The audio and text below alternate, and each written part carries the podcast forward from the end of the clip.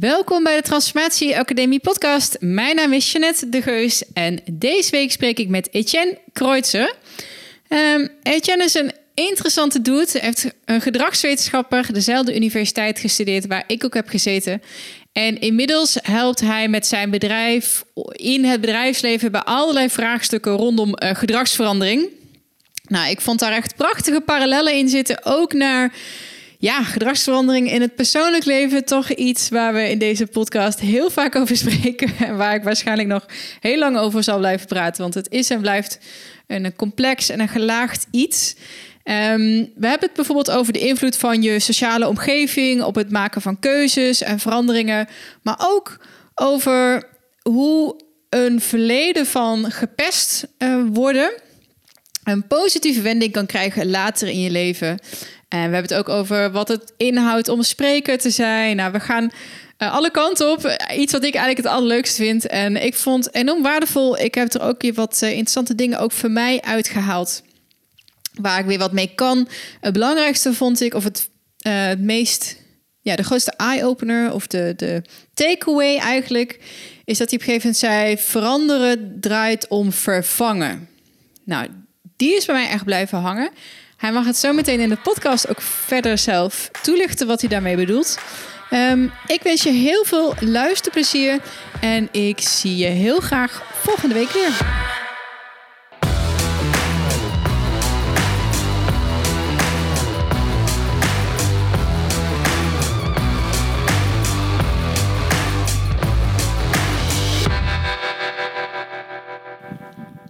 Etienne, welkom. Dank je. Uh, in het mooie Borkelo. Het mooie afgelegen, de grens van de wereld. Ja, hier houdt het ook zo'n beetje op hier met uh, op, wifi en bereik. En, ja, lekker rustig. Ja, heerlijk. Ja, over rust. We hadden net in het voorgesprekje. Het is wel leuk om dat misschien even te herhalen. Over prikkels van buitenaf en wat dat met je doet. En de perceptie van andere mensen en over klagen. Ja, dat, heb jou, dat, heb ik jou, verteld, want die ken jij je niet. Nee. Maar we hadden het vooral over, um, vond ik wel interessant, over het nieuws. Mhm. En wat prikkels van buitenaf met mensen doet. Want um, ja, ik kijk bijvoorbeeld al geen nieuws. En even het voorbeeldje van de hittegolf. Uh, ik had helemaal niet in de gaten dat het warm was. Dus ik wilde gewoon gaan trainen. En um, ik had mijn vriend in de lijn. En die zei, wat ben je helemaal gek geworden? Trainen, weet je hoe warm het is? En de bejaarden die gaan dood. En het is code oranje, je moet binnen blijven. En ik echt waar heb je het over? Het is gewoon warm. Dus even om aan te geven dat je mindset zo beïnvloed wordt door, door de buitenwereld. Hoe, hoe kijk jij daar tegenaan? Um, het, het toont me weer eens aan dat we als mensen. Weet je, we hebben natuurlijk heel graag het idee van we zijn in control. En, en tot op een zekere hoogte zijn we dat ook. En, en misschien nog wel meer en op andere gebieden dan we soms denken of, of gebruik van maken. Maar je ziet ook hoe ontvankelijk we gewoon zijn voor, voor geluiden van buitenaf. Want ook jouw vriend die dat weer aan jou vertelt, roept meteen weer allerlei reacties op, zeg maar. En zo zijn we eigenlijk continu aan het reageren.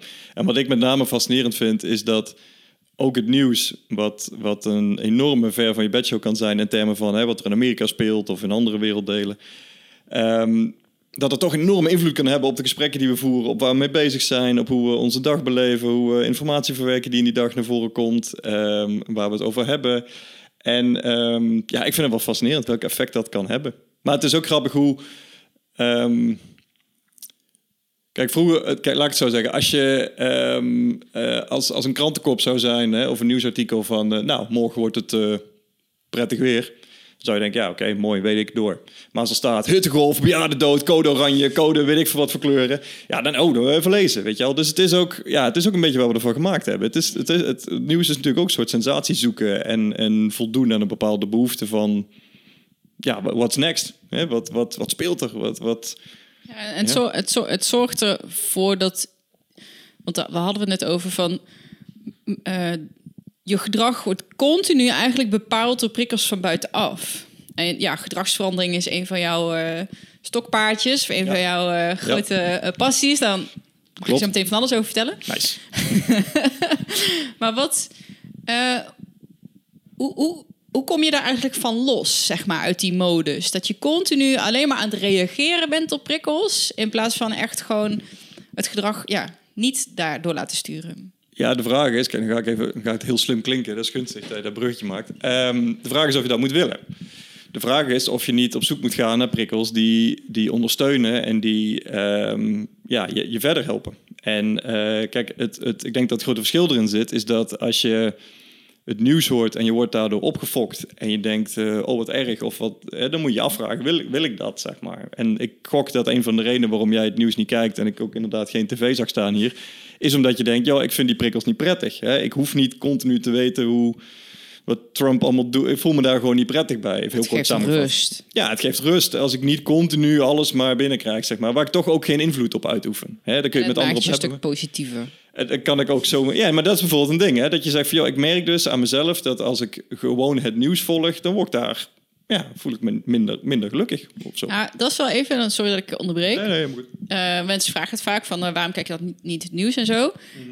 Ik heb dat niet gedaan omdat ik merkte van ik voel me er niet prettig bij. Maar pas nu ik het niet doe, eh, al, al een paar jaar denk ik inmiddels. En je weer een keer geconfronteerd wordt met iemand die "Nee, hittegolf, denk ik. Oh, dat heb ik helemaal niet. Dus je merkt het eigenlijk pas achteraf. Zo van, hé, hey, dit geeft zoveel meer rust en minder munitie om te klagen. maar dat heb je eigenlijk. maar- je, hebt het, je hebt het niet. Het is heel onbewust. We hebben het niet echt door dat het gebeurt. Nee, maar ik kan me dus voorstellen dat, dat da- daar zit iets van een ehm, ja, gewoonte, mindset, noem het zoals je het noemen wil, achter. In de zin van, weet je, je bent ook iemand die, die wil, je zit qua, qua sport op een hoog niveau, je, je, je, ben- je doet deze podcast, je geeft nog allerlei soorten mastermind groepen en weet ik wat. Je hebt er geen tijd voor, voor allerlei trammeland waar je geen invloed op uitoefent, zeg maar. Je bent op zoek naar prikkels die, wil je nodigt gasten uit, omdat je denkt, er worden interessante gesprekken. En daar kan ik van leren en, en je kijkers kunnen ervan leren en luisteraars.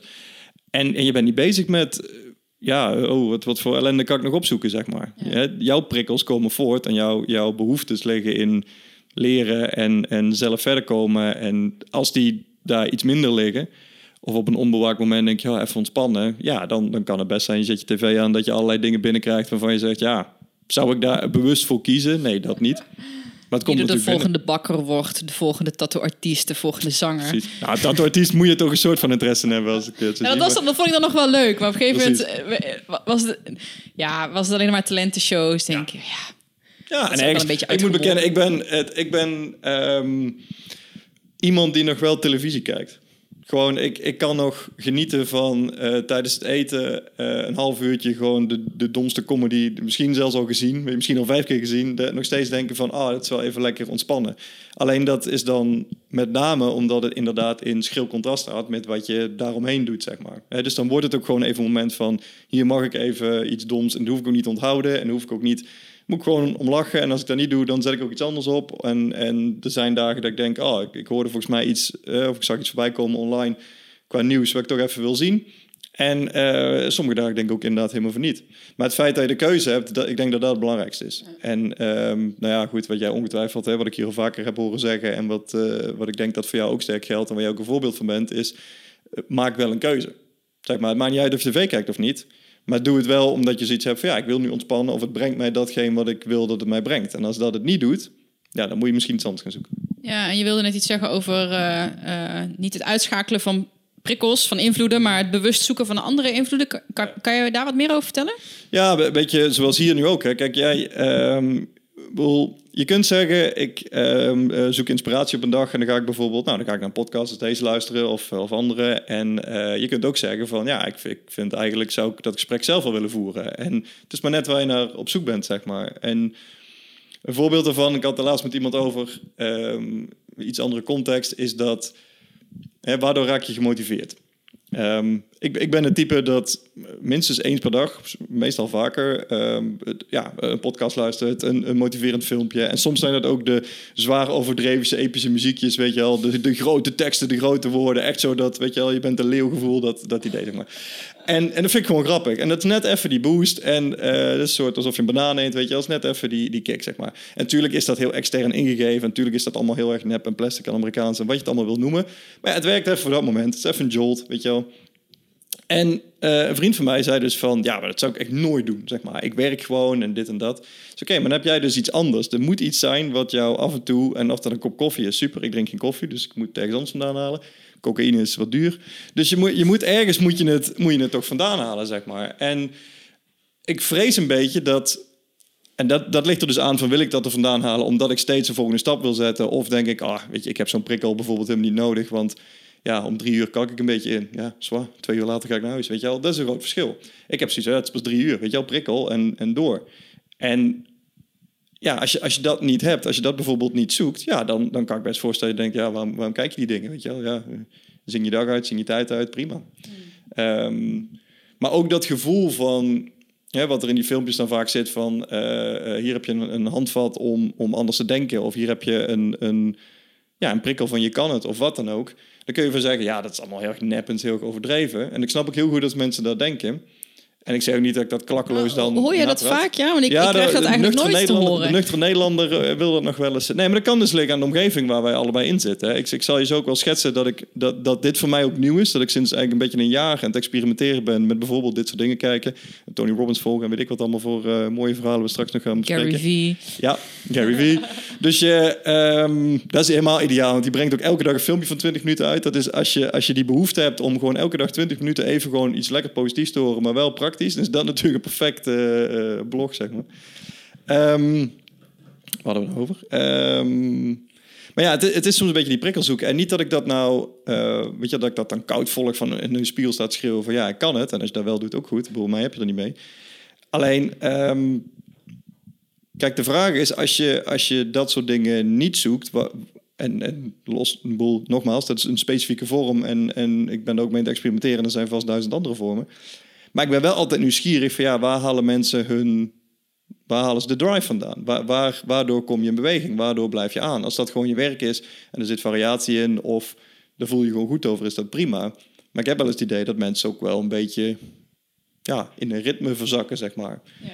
En ik, ben, ik heb wel eens de neiging om te denken, ik heb even iets anders nodig. Even weer een, even ja, dat vind ik wel prettig. Want uh, ja, we hebben het eigenlijk een beetje overgeslagen. wat, wat, doe je precies? Behalve heel lang hoeren over allerlei eh, blogs. En, nou, ik, uh, ik ben in, ik zal een lang verhaal kort proberen te maken, maar in 2010 afgestudeerd als gedragswetenschapper. In, uh, in, Nijmegen op de universiteit. En ben daarna meteen een, een, onderneming begonnen, Plant Behavior. Plant Behavior was een van de eerste bureaus dat zich helemaal toespitste op gedragsverandering toepassen binnen, uh, nou ja, laten we zeggen, het communicatievak met name in het begin. We hebben heel veel overheidscampagnes en, en interne verandertrajecten en zo ondersteund met... oké, wat is er nou bekend over menselijk gedrag? En wat betekent dat voor je communicatie en je manier van organiseren en dat soort dingen? Wij zijn, dat vind ik nog wel charmant om erbij te zeggen, eigenlijk begonnen als... Weet je wel, daar hadden we, kregen een campagne, bijvoorbeeld om jongeren bewust te maken van uh, fietsverlichting of zo.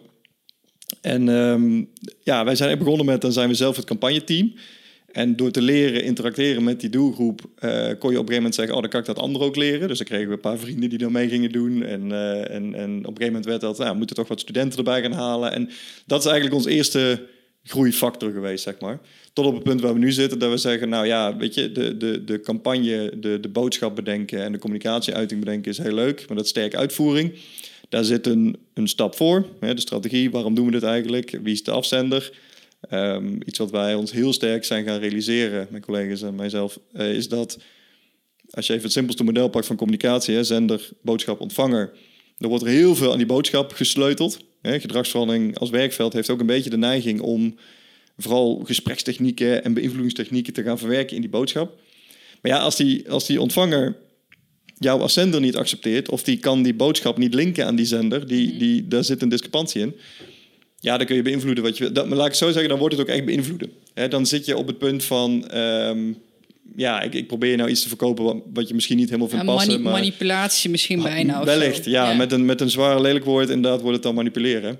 En wij dachten van, ja, maar goed, ik, ik vind um, mede omdat wij op een gegeven moment een kantoor uh, kregen waar ook mensen werkten die um, zich bijvoorbeeld bezighielden met waarden in een organisatie. Hè, waar sta je voor? En is dat nou ook echt wel hetgene wat naar buiten komt? Wat je zegt en wat je mensen voelen dacht ja, daar werden we wel door getriggerd van... Er zit gewoon een stap voor. Zeg maar, kijken naar die, uh, naar die, naar die organisatie die dat uitzendt. En we zagen dat in de praktijk ook vaak, omdat wat je kreeg was bijvoorbeeld... Daar werden wij ingehuurd.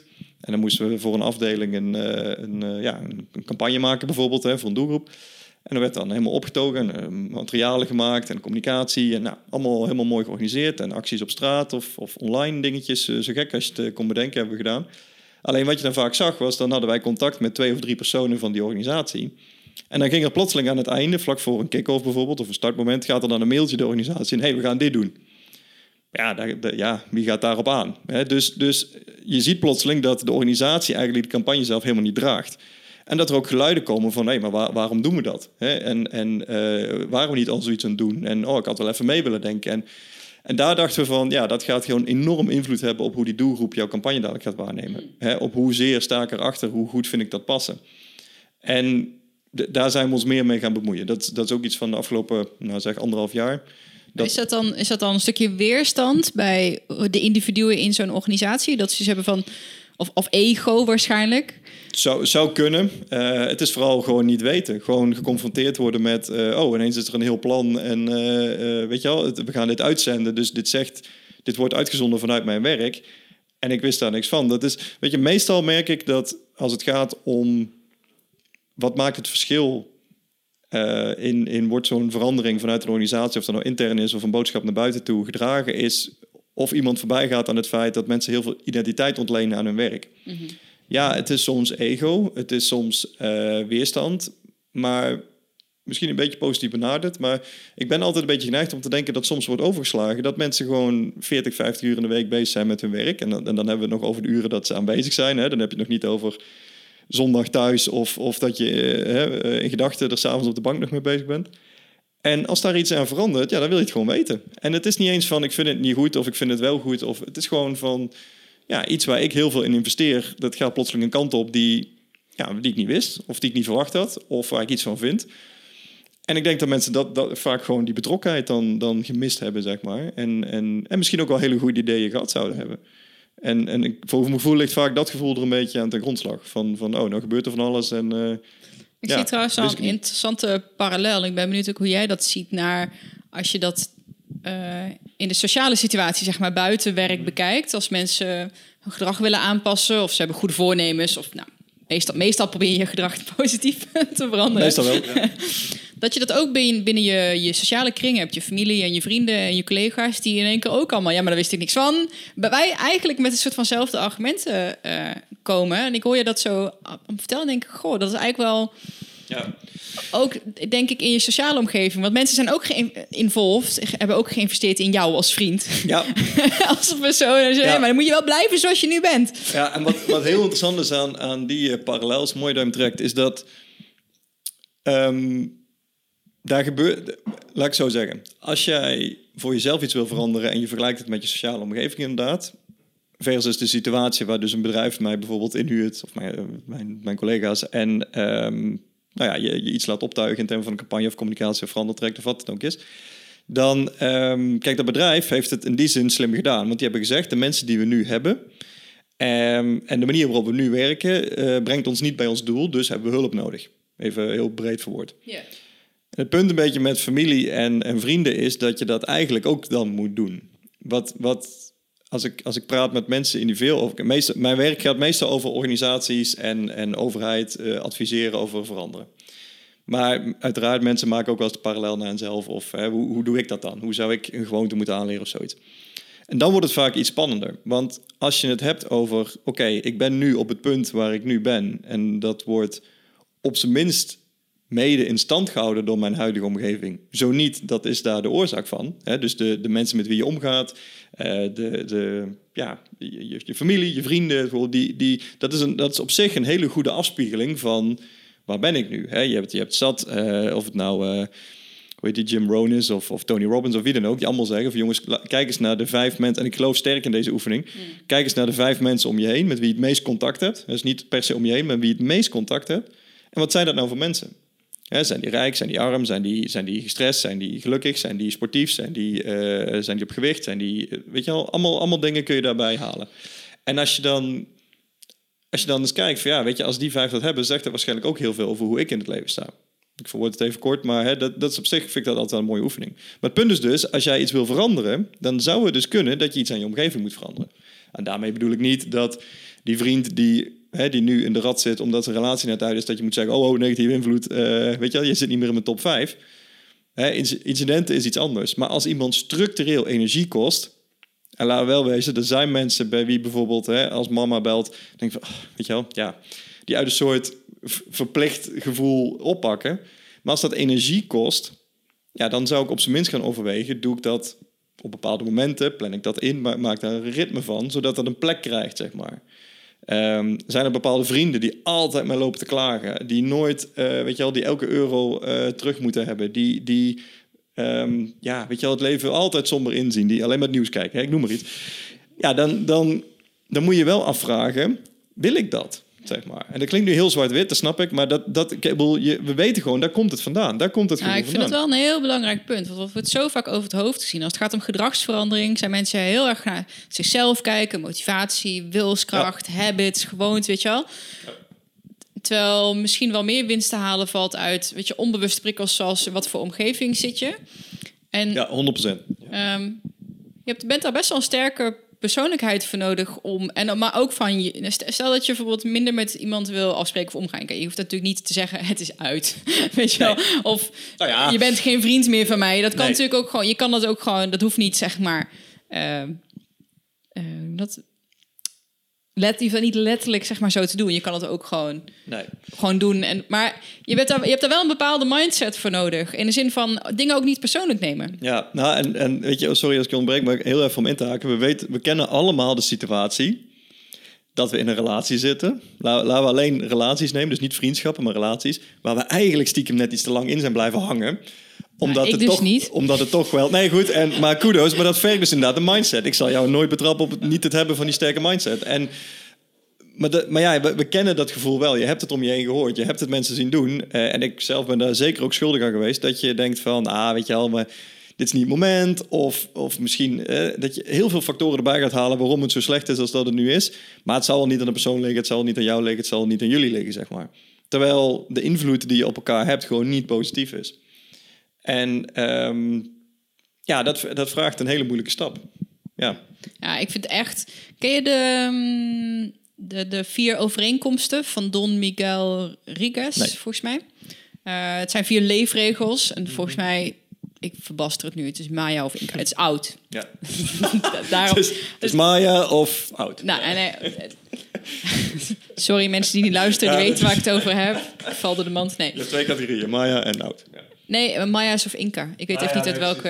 precies. Maar ehm, ehm, vier leefregels. En volgens mij is de eerste doe geen aannames. Mhm. En de tweede is maak, eh, neem niks persoonlijk. Of net andersom. Maar die twee, als je geen aannames doet en niks persoonlijk neemt... als je dat echt doortrekt... ehm, dat geeft zoveel vrijheid. Ja. Want waarom maak je het niet uit? Je, je doet aannames over eh, wat de ander daarvan zou vinden... of wat er dan gaat gebeuren.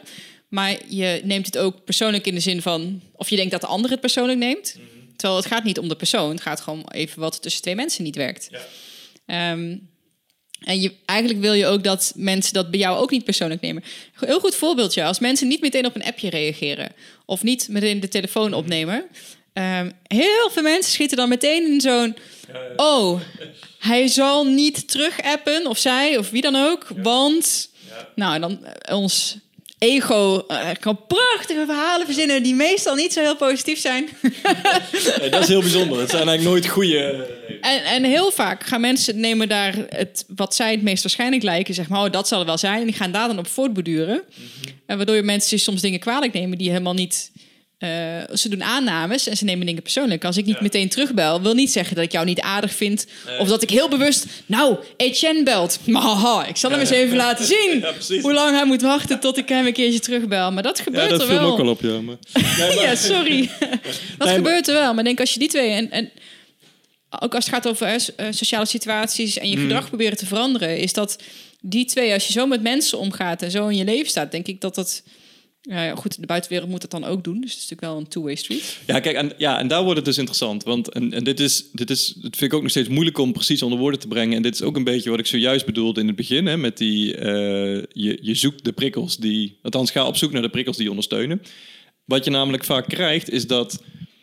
Stel dat we nemen dat relatievoorbeeld weer. Het werkt niet en je blijft erin zitten. En wat is dan wat mensen zeggen? Mensen zeggen dan, je moet voor jezelf kiezen. Dat, dat is wel waar, hè? in de zin van ehm, het zou beter voor jou zijn en het gaat je energie geven en weer eh, beter voelen, et cetera, als je uit die relatie stapt. Eh, of uit die vriendschap of uit die opdracht, net wat het is. Hè? Maar laten we even dat voorbeeld aanhouden. Ehm, alleen, het is daarmee niet gezegd dat relaties niet voor jou werken. De meeste mensen hebben een, een, een, en dat is vaak de moeilijkheid. We hebben tegenwoordig de neiging om heel veel aandacht te spenderen aan hè, naar binnen kijken en mindfulness en in, allerlei vormen en maten. En ik denk dat dat goed is. Ik denk dat dat uh, een antwoord kan zijn op alle burn-out cijfers, op um, zelfs bij studenten zie je dat al, uh, et cetera, et cetera. Dus dat kan voor heel veel zou dat beter zijn als mensen zichzelf wat beter leren kennen en weten waar liggen je obstakels, waar word je gelukkig van, et cetera, et cetera. Alleen, ook daar heb je nog steeds wel anderen voor nodig. Kijk, het, het idee van weggaan bij de relaties die niet werken, is dat je de relaties kan opbouwen die wel werken. En dat je er wel voor kan zijn voor de mensen waar je ervoor wil zijn. En het is ook weer niet zo dat we, uh, en, dat gevoel heb ik nog wel eens, dat het nu heel erg gaat over jezelf en, en hè, dat, dat jij vooral gelukkig. Maar als we dat allemaal zouden doen, dan houdt de mensheid ook op te bestaan, zeg maar. Hè, het gaat om een samenspel tussen, ja, ik weet wat mij gelukkig maakt. Ik weet wat mij sterker maakt. Ik weet wat mij, uh, whatever, uh, welk woord je invult, maar in ieder geval vooruit helpt. En ik weet ook wie mij daarbij kan helpen. Of wie ik daardoor kan helpen. Of wie ik daarvoor nodig heb. Je, je hebt altijd anderen nodig. Je zei het iets heel interessants. Want uh, als er een... Toch één ding. um, is dat... Um, ik, ik zie het dan zo voor me. Stel dat je vijf lijntjes hebt, zeg maar. Die vijf mensen. Yep. eentje ervan draagt niet helemaal bij.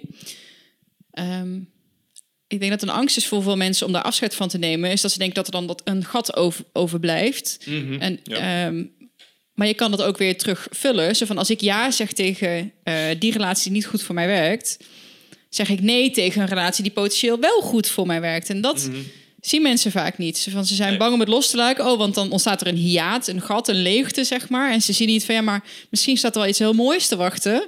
Die dat plekje dan weer kan vullen. En dat is een beetje angst voor het onbekende. En ook angst van, oh, maar wat ik nu heb, ik weet in ieder geval wat ik nu heb. En Wat ik nu heb, ook al is het niet perfect, het is oké. maar misschien staat er wel iets veel mooiers op jou Ja. te wachten. Of Ja. een veel betere, nou, whatever. En dat, ja, en dat, is ook, dat is ook heel interessant wat je zei. Kijk, dat is.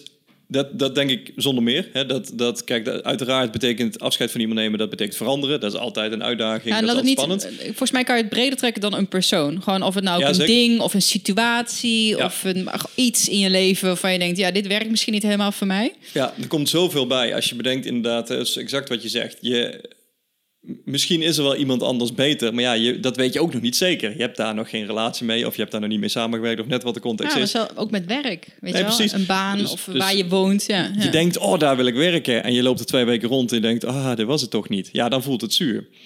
En een ander ding wat, waar ik aan moest denken is ehm, iets wat, wat ik met name in de werksituaties ook wel heel vaak zie. Is dat het grote voordeel van jouw probleem, of laat ik, het- laat ik het andersom worden. Van mijn probleem versus jouw oplossing daarvoor, is dat mijn probleem wel voor mij is. Ik heb precies gezien hoe dat zo ontstaan is. Ik, ik, heb, ik doe dat al een hele tijd zo. Ik, ja, weet je, al, al dat drinken is niet goed voor me. Maar ja, weet je, dat ben ik. Ik ben diegene die een drankje drinkt. En eh, dat komt omdat eh, in mijn jeugd bla bla bla. Dit is een fictief voorbeeld voor dat. maar hè, dus ehm, je, je weet waar het vandaan komt. Mensen kennen je zo. Het hoort eigenlijk bij jouw identiteit. En het wordt alleen maar moeilijker daardoor om daar iets aan te gaan veranderen. En ondanks het feit dat jouw oplossing mij misschien wel helpt. Hè, en dat geldt in, in, organisaties herken ik dit met name.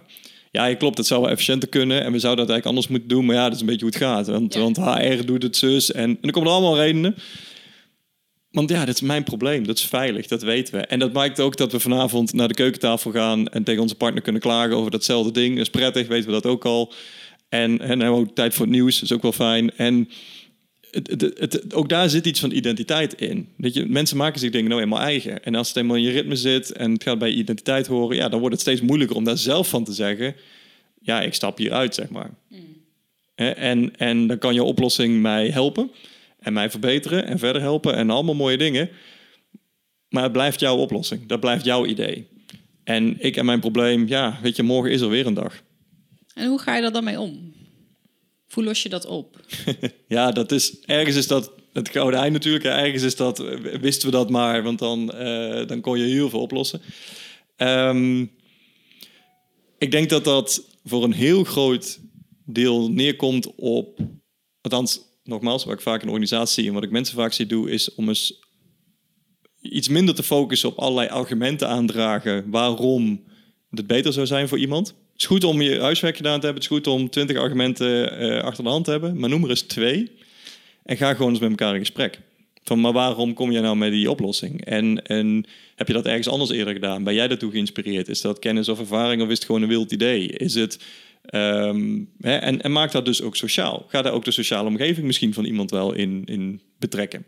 Ehm, of het nou gaat om interventies bij mensen die, die hè, met, met drugs of zo, of een verslaving, of dat gaat om een sport aanleren. We zijn overal zijn we gewend dat op een gegeven moment je, je omgeving een rol bij speelt. Hè. Als we een sport gaan aanleren, dan gaan we op les. En daar is iemand die, ehm, ja, die, die als het goed is, als, als leraar of coach wel al wat verder is, zeg maar. En er zijn anderen bij die het ook moeten leren. Dat schermt een, een beschermde omgeving, maar wel een waarin we kunnen leren.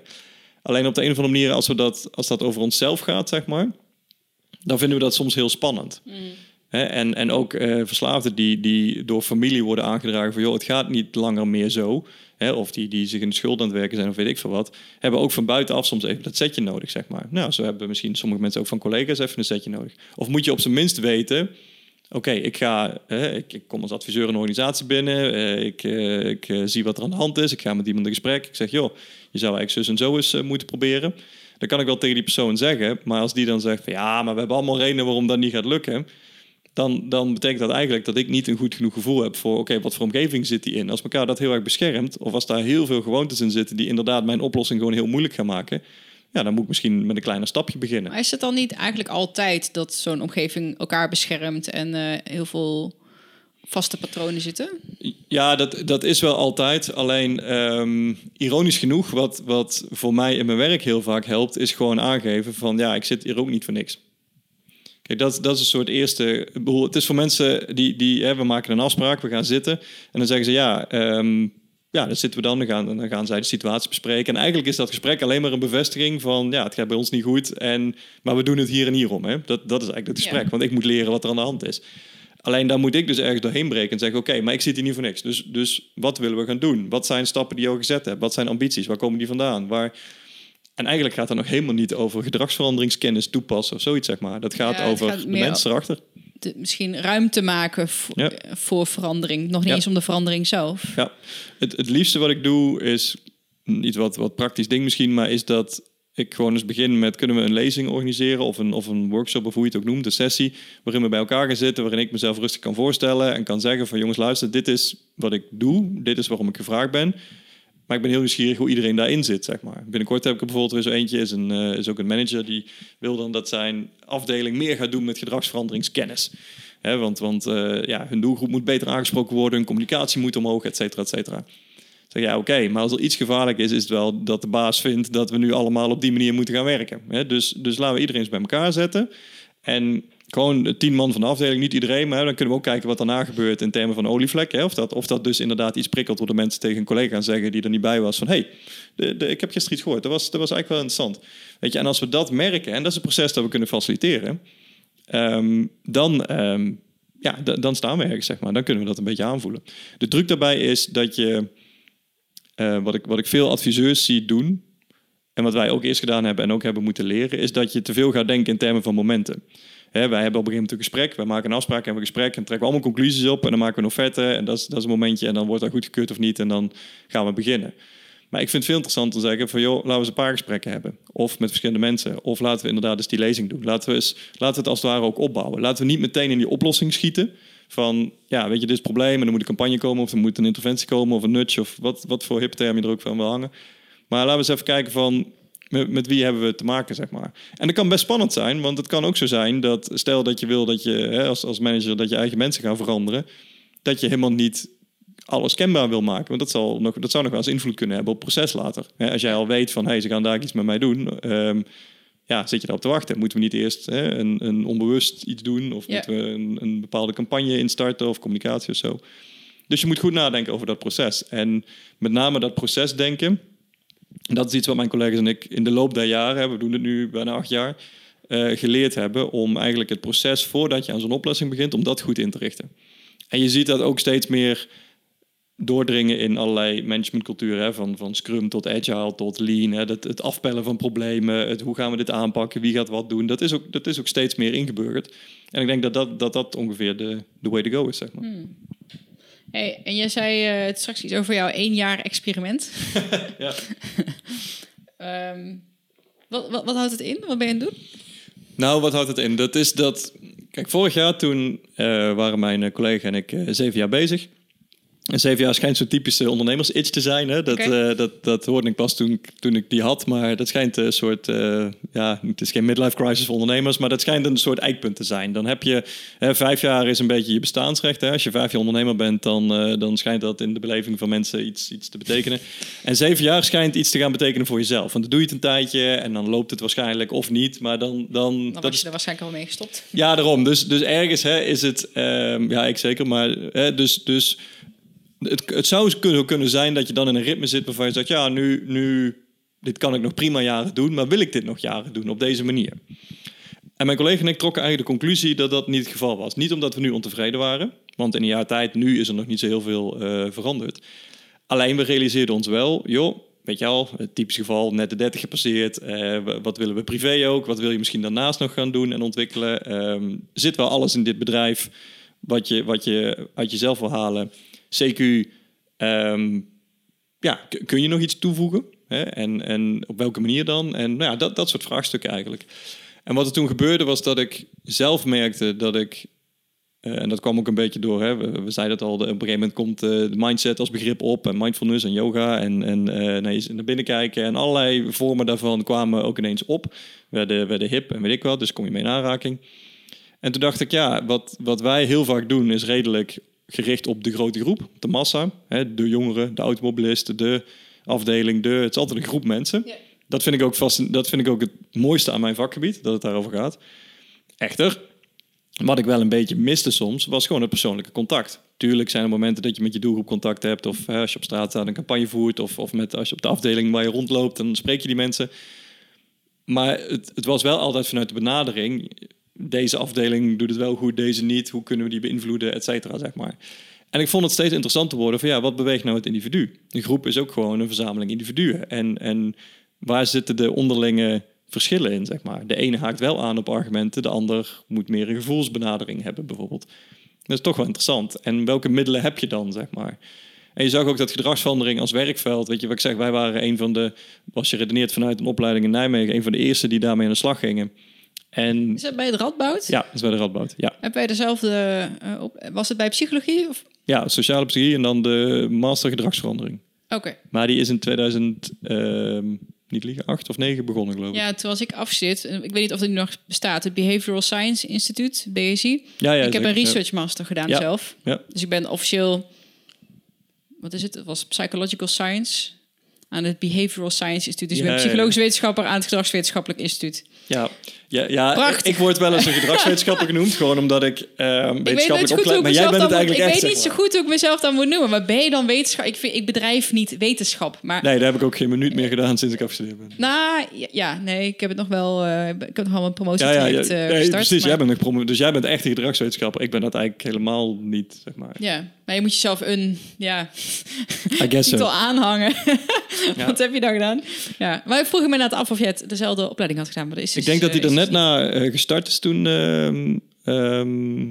Ja, want eh, dat kan ik niet herinneren maar- dat dat een master was. Nee, wat, wat ik zeg, het jaar voor ons was dus ook een pilotjaar. En ehm, eh, wat goed ging. En wij waren eh, ja, het eerstvolgende jaar daarop, zeg maar. En vanuit daar zijn, zijn enkele bureaus ontstaan die, die zich daarmee bezig gingen houden. En wij waren met, met nou zeg, een bureau of, ja, niet liegen, ik denk vier, vijf, de eerste die dat op die manier deden, zeg maar. En ongetwijfeld, er zijn ook bureaus die wat ouder zijn. En er zijn ook oudere bureaus die die term hebben ontwikkeld. En het gaat mij niet om de credits, ze waren de eerste.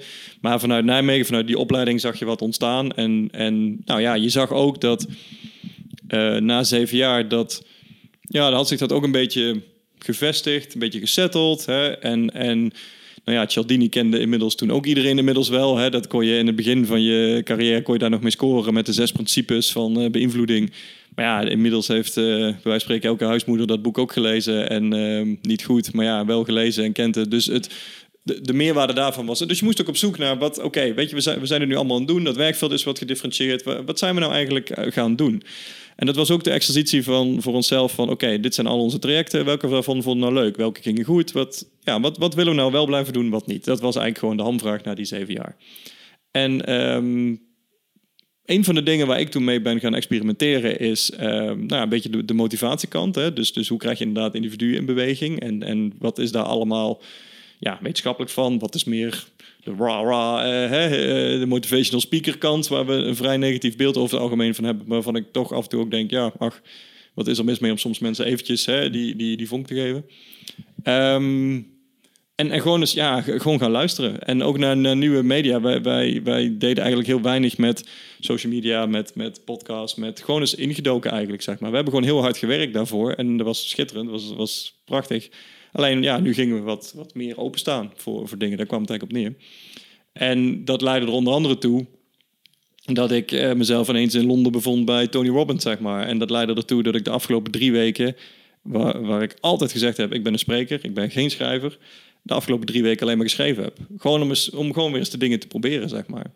En dat heeft ertoe geleid dat we um, ja, nu in het najaar met, met ja, een paar nieuwe dingen gaan komen waarvan we zeggen, ja, dit is volgens, volgens ons de doorontwikkeling van gedragsverandering binnen organisaties en binnen het werkveld. Wat, uh, wat heb je geschreven? Ik zal, je, ik zal je een primeur geven, maar ik zal je niet alles vertellen. De simpele reden dat ik je niet alles wil vertellen is omdat we ook gewoon nog aan het kijken zijn van ja, gaan we dit inderdaad allemaal doen en gaan we het allemaal nu doen. Um, wij zijn um, erg fan van dit format, van podcastformat. Dus het zou zomaar kunnen dat wij stiekem ooit een podcast gaan doen. Um, je hebt het niet van mij, maar het zou zomaar kunnen. Um, iets anders waar we mee bezig zijn is, wat ik zeg, het loopt misschien een beetje door elkaar. Um, excuus voor de luisteraars, maar wij, wij zijn een bureau dat heel pragmatisch eigenlijk is ingericht. Heel erg van het campagnewezen, het praktische, de, de uitvoering van het communicatievak, zeg maar. Hè. Dus, dus echt de, van de posters tot um, ja, de strategie erachter. Maar uh, dat strategiedeel is belangrijker geworden. En we zijn nu op zoek, of zijn we eigenlijk aan het nadenken over... oké, betekent dat dat ons bedrijf een andere kant op gaat? Ja, Wessie Nick, mijn collega en ik uh, runnen dat... Dus als wij ouder worden en andere dingen gaan doen, vinden mensen dat misschien wel heel logisch dat dat bedrijf ook verandert. Um, tegelijkertijd, of dat bureau moet ik zeggen, tegelijkertijd wat we doen vinden we ook helemaal te gek. En misschien is dat juist ook wel heel leuk voor anderen om te doen. Dus misschien moet deze tak wel blijven bestaan en gewoon doen wat het nu doet. Versus dat wij daarnaast iets gaan doen wat meer in ons huidige straatje ligt, zeg maar. Dus die afweging zijn we nog een beetje aan het maken. Um, we hebben ook wel behoefte om mensen aan te trekken die, die met ons, voor ons komen werken. Maar ook daarvan kan ik heel veel scenario's bedenken wat we nodig zouden kunnen hebben en waar we beter van zouden kunnen worden. Van, van verschillende vakdisciplines tot verschillende ondersteunende functies. Dus ook daar moeten we op een gegeven moment gewoon een keuze maken. Alleen ja, zijn we ook nog een beetje aan het afwegen. Waar zijn we nou het meest naar op zoek? Uh, dus daar heb ik wat, wat dingen voor geschreven, meer de visiedocumenten, zeg maar. Uh, what else? Ah, maar het is niet bijvoorbeeld een boek. Het is. Uh, ik zeg even nee. Oké, je zegt even nee. Ik zeg even nee. Kom, misschien komt er nog een boek. ik, ik, je hebt het niet van mij. ja, het is wel... Eh, ja, misschien verbaast het me wel een beetje dat het dan nog zo nieuw is allemaal. Ik dacht dat dat al lang... Uh... Je bedoelt de toepassing van gedragsverandering? Of? Ja. Nou, het, dat zou best wel kunnen hoor. Alleen wat het, wat het bijvoorbeeld is, is dat als je... Toen wij begonnen, dat weet ik nog, uh, dus, dus in 2010 als je toen gedragsverandering googelde, dan kreeg je um, maatschappelijk werkers die met moeilijk opvoedbare jongeren werkten bijvoorbeeld. Dat was gedragsverandering.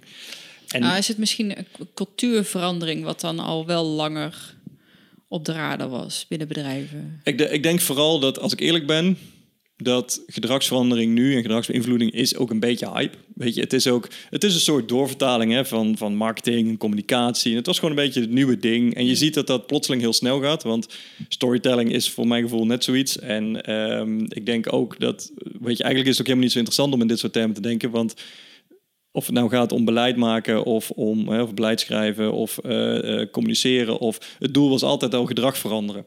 Alleen nu, hebben, nu merk je dat er een, een lichting is ontstaan van psychologen, sociaal psychologen, die ja, een beetje het communicatievak ook zijn gaan benaderen en ook zijn gaan uitoefenen. En daardoor is een, is een andere stroming waar ik en mijn collega's bij horen ontstaan.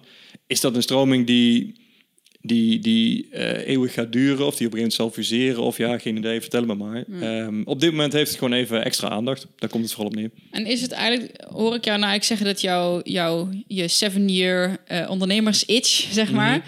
dat je die hebt opgelost door naar binnen te kijken, eh, gewoon naar binnen te gaan, kijken van hey, uh, wat maakt mij nu gelukkig? Wat drijft mij? Waar zie ik nog leuke challenges voor mezelf? Voor een, heel, voor een heel groot deel wel. Dat komt met name omdat Plants Behavior is een bureau dat, dat bestaat bij die gratie dat mijn collega en ik complementair zijn. Ik zeg bewust complementair, niet verschillend. Ehm, anderen zeggen altijd verschillend, maar het is complementair.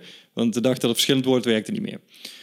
Um, waar het op neerkomt is, hij is, uh, Wesley is heel goed in onderzoek, in planning, in um, nou ja, het, financiële ook, in, in vormgeving. Uh, ik zeg wel eens voor de grap, hij werkt met cijfers, ik met de mensen. Doe ik hem zwaar onrecht aan. Maar, en, en ik ben veel meer van de gesprekken, de, de, de kansen zoeken, maar ook de, de mensen begeleiden. Gewoon eens met mensen gaan zitten en, en nou ja, de, de sociale kant ervan.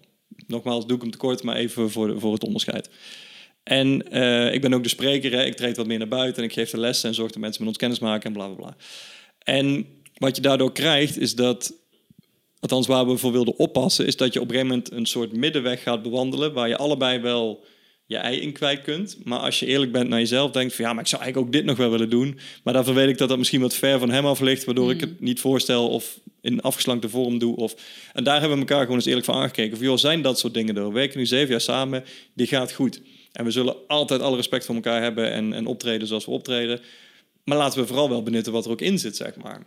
En bij mij was dat bijvoorbeeld dat ik op een gegeven moment merkte, door, door naar binnen te kijken. Het ligt een beetje aan hoe concreet je dit wil horen en hoe lang. Maar ik had altijd een, een opmerking waar je niks in hebt, want ik ga gewoon het lange verhaal vertellen. Maar um, ik had altijd de, de visie dat ik zou optreden in Carré. Dat is heel persoonlijk, maar dit, dit was een beeld wat ik altijd had. En het specifieke beeld wat ik dan had, was dat op de eerste rij uh, zaten dan, uh, weet je, collega's en vrienden en mijn ouders. Met name mijn ouders, want die komen daar graag. Dat is, dat is voor hun, weet je, als die naar Carré gaan, gaan die echt naar Carré. En dacht ik, ja, het lijkt me schitterend om, om eens te kunnen opbellen en zeggen, je zoon staat daar. Dus ik, weet je, ik had altijd het beeld, als spreker treed je daar op. Maar het specifieke beeld wat ik altijd had, was dat ik uit een, een rij van sprekers, dus ook mensen die ik ken, die dan mee zouden optreden, uh, naar voren liep en een soort laatste buiging deed. En wat dat voor mij altijd betekend had, was jij bent de grote man. Jij bent de big shit. Jij bent de, de, de keynote geweest. Jij bent de weet ik wat geweest. En dit zijn allemaal mensen geweest die, die niet onder belicht laat, maar die geholpen hebben. En wat er vorig jaar gebeurde, is dat dat, dat veranderde. Plotseling realiseerde ik mij dat...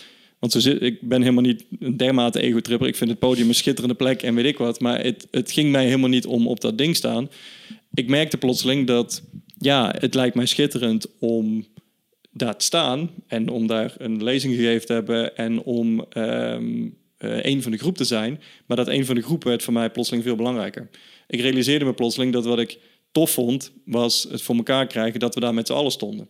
En dat anderen, die waarschijnlijk misschien nog wel een veel beter verhaal hebben of uh, whatever, hè, dat, die, dat we samen een programma waren. En dat we met z'n allen voor heel Carré een, een meerwaarde hadden kunnen bieden, zeg maar. Het ging hem niet om mij alleen, het ging om, om die groep, zeg maar.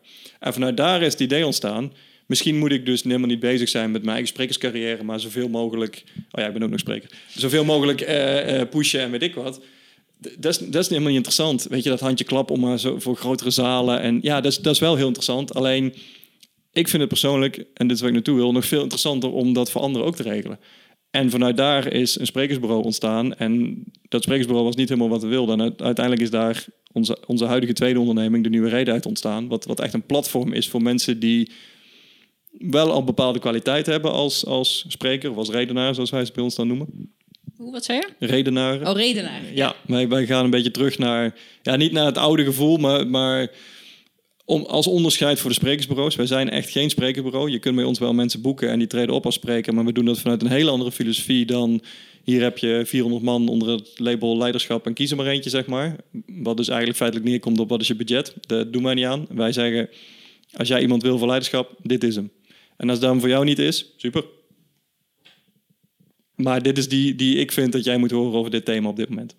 Ehm, en, en daar zijn we dus toen mee begonnen. Ik wilde, ik wilde dus bijvoorbeeld zo'n zo'n platform runnen. Ik zei, ik vind het super interessant om met sprekers te werken. Ik zie dat als een hele moderne vorm van ondernemen, jezelf uitdrukken, ergens voor staan, mensen meekrijgen, in beweging krijgen. Dan vind ik spreken een zeer ook al zijn heel veel mensen, het vind ik een zeer ondergewaardeerde vaardigheid eigenlijk.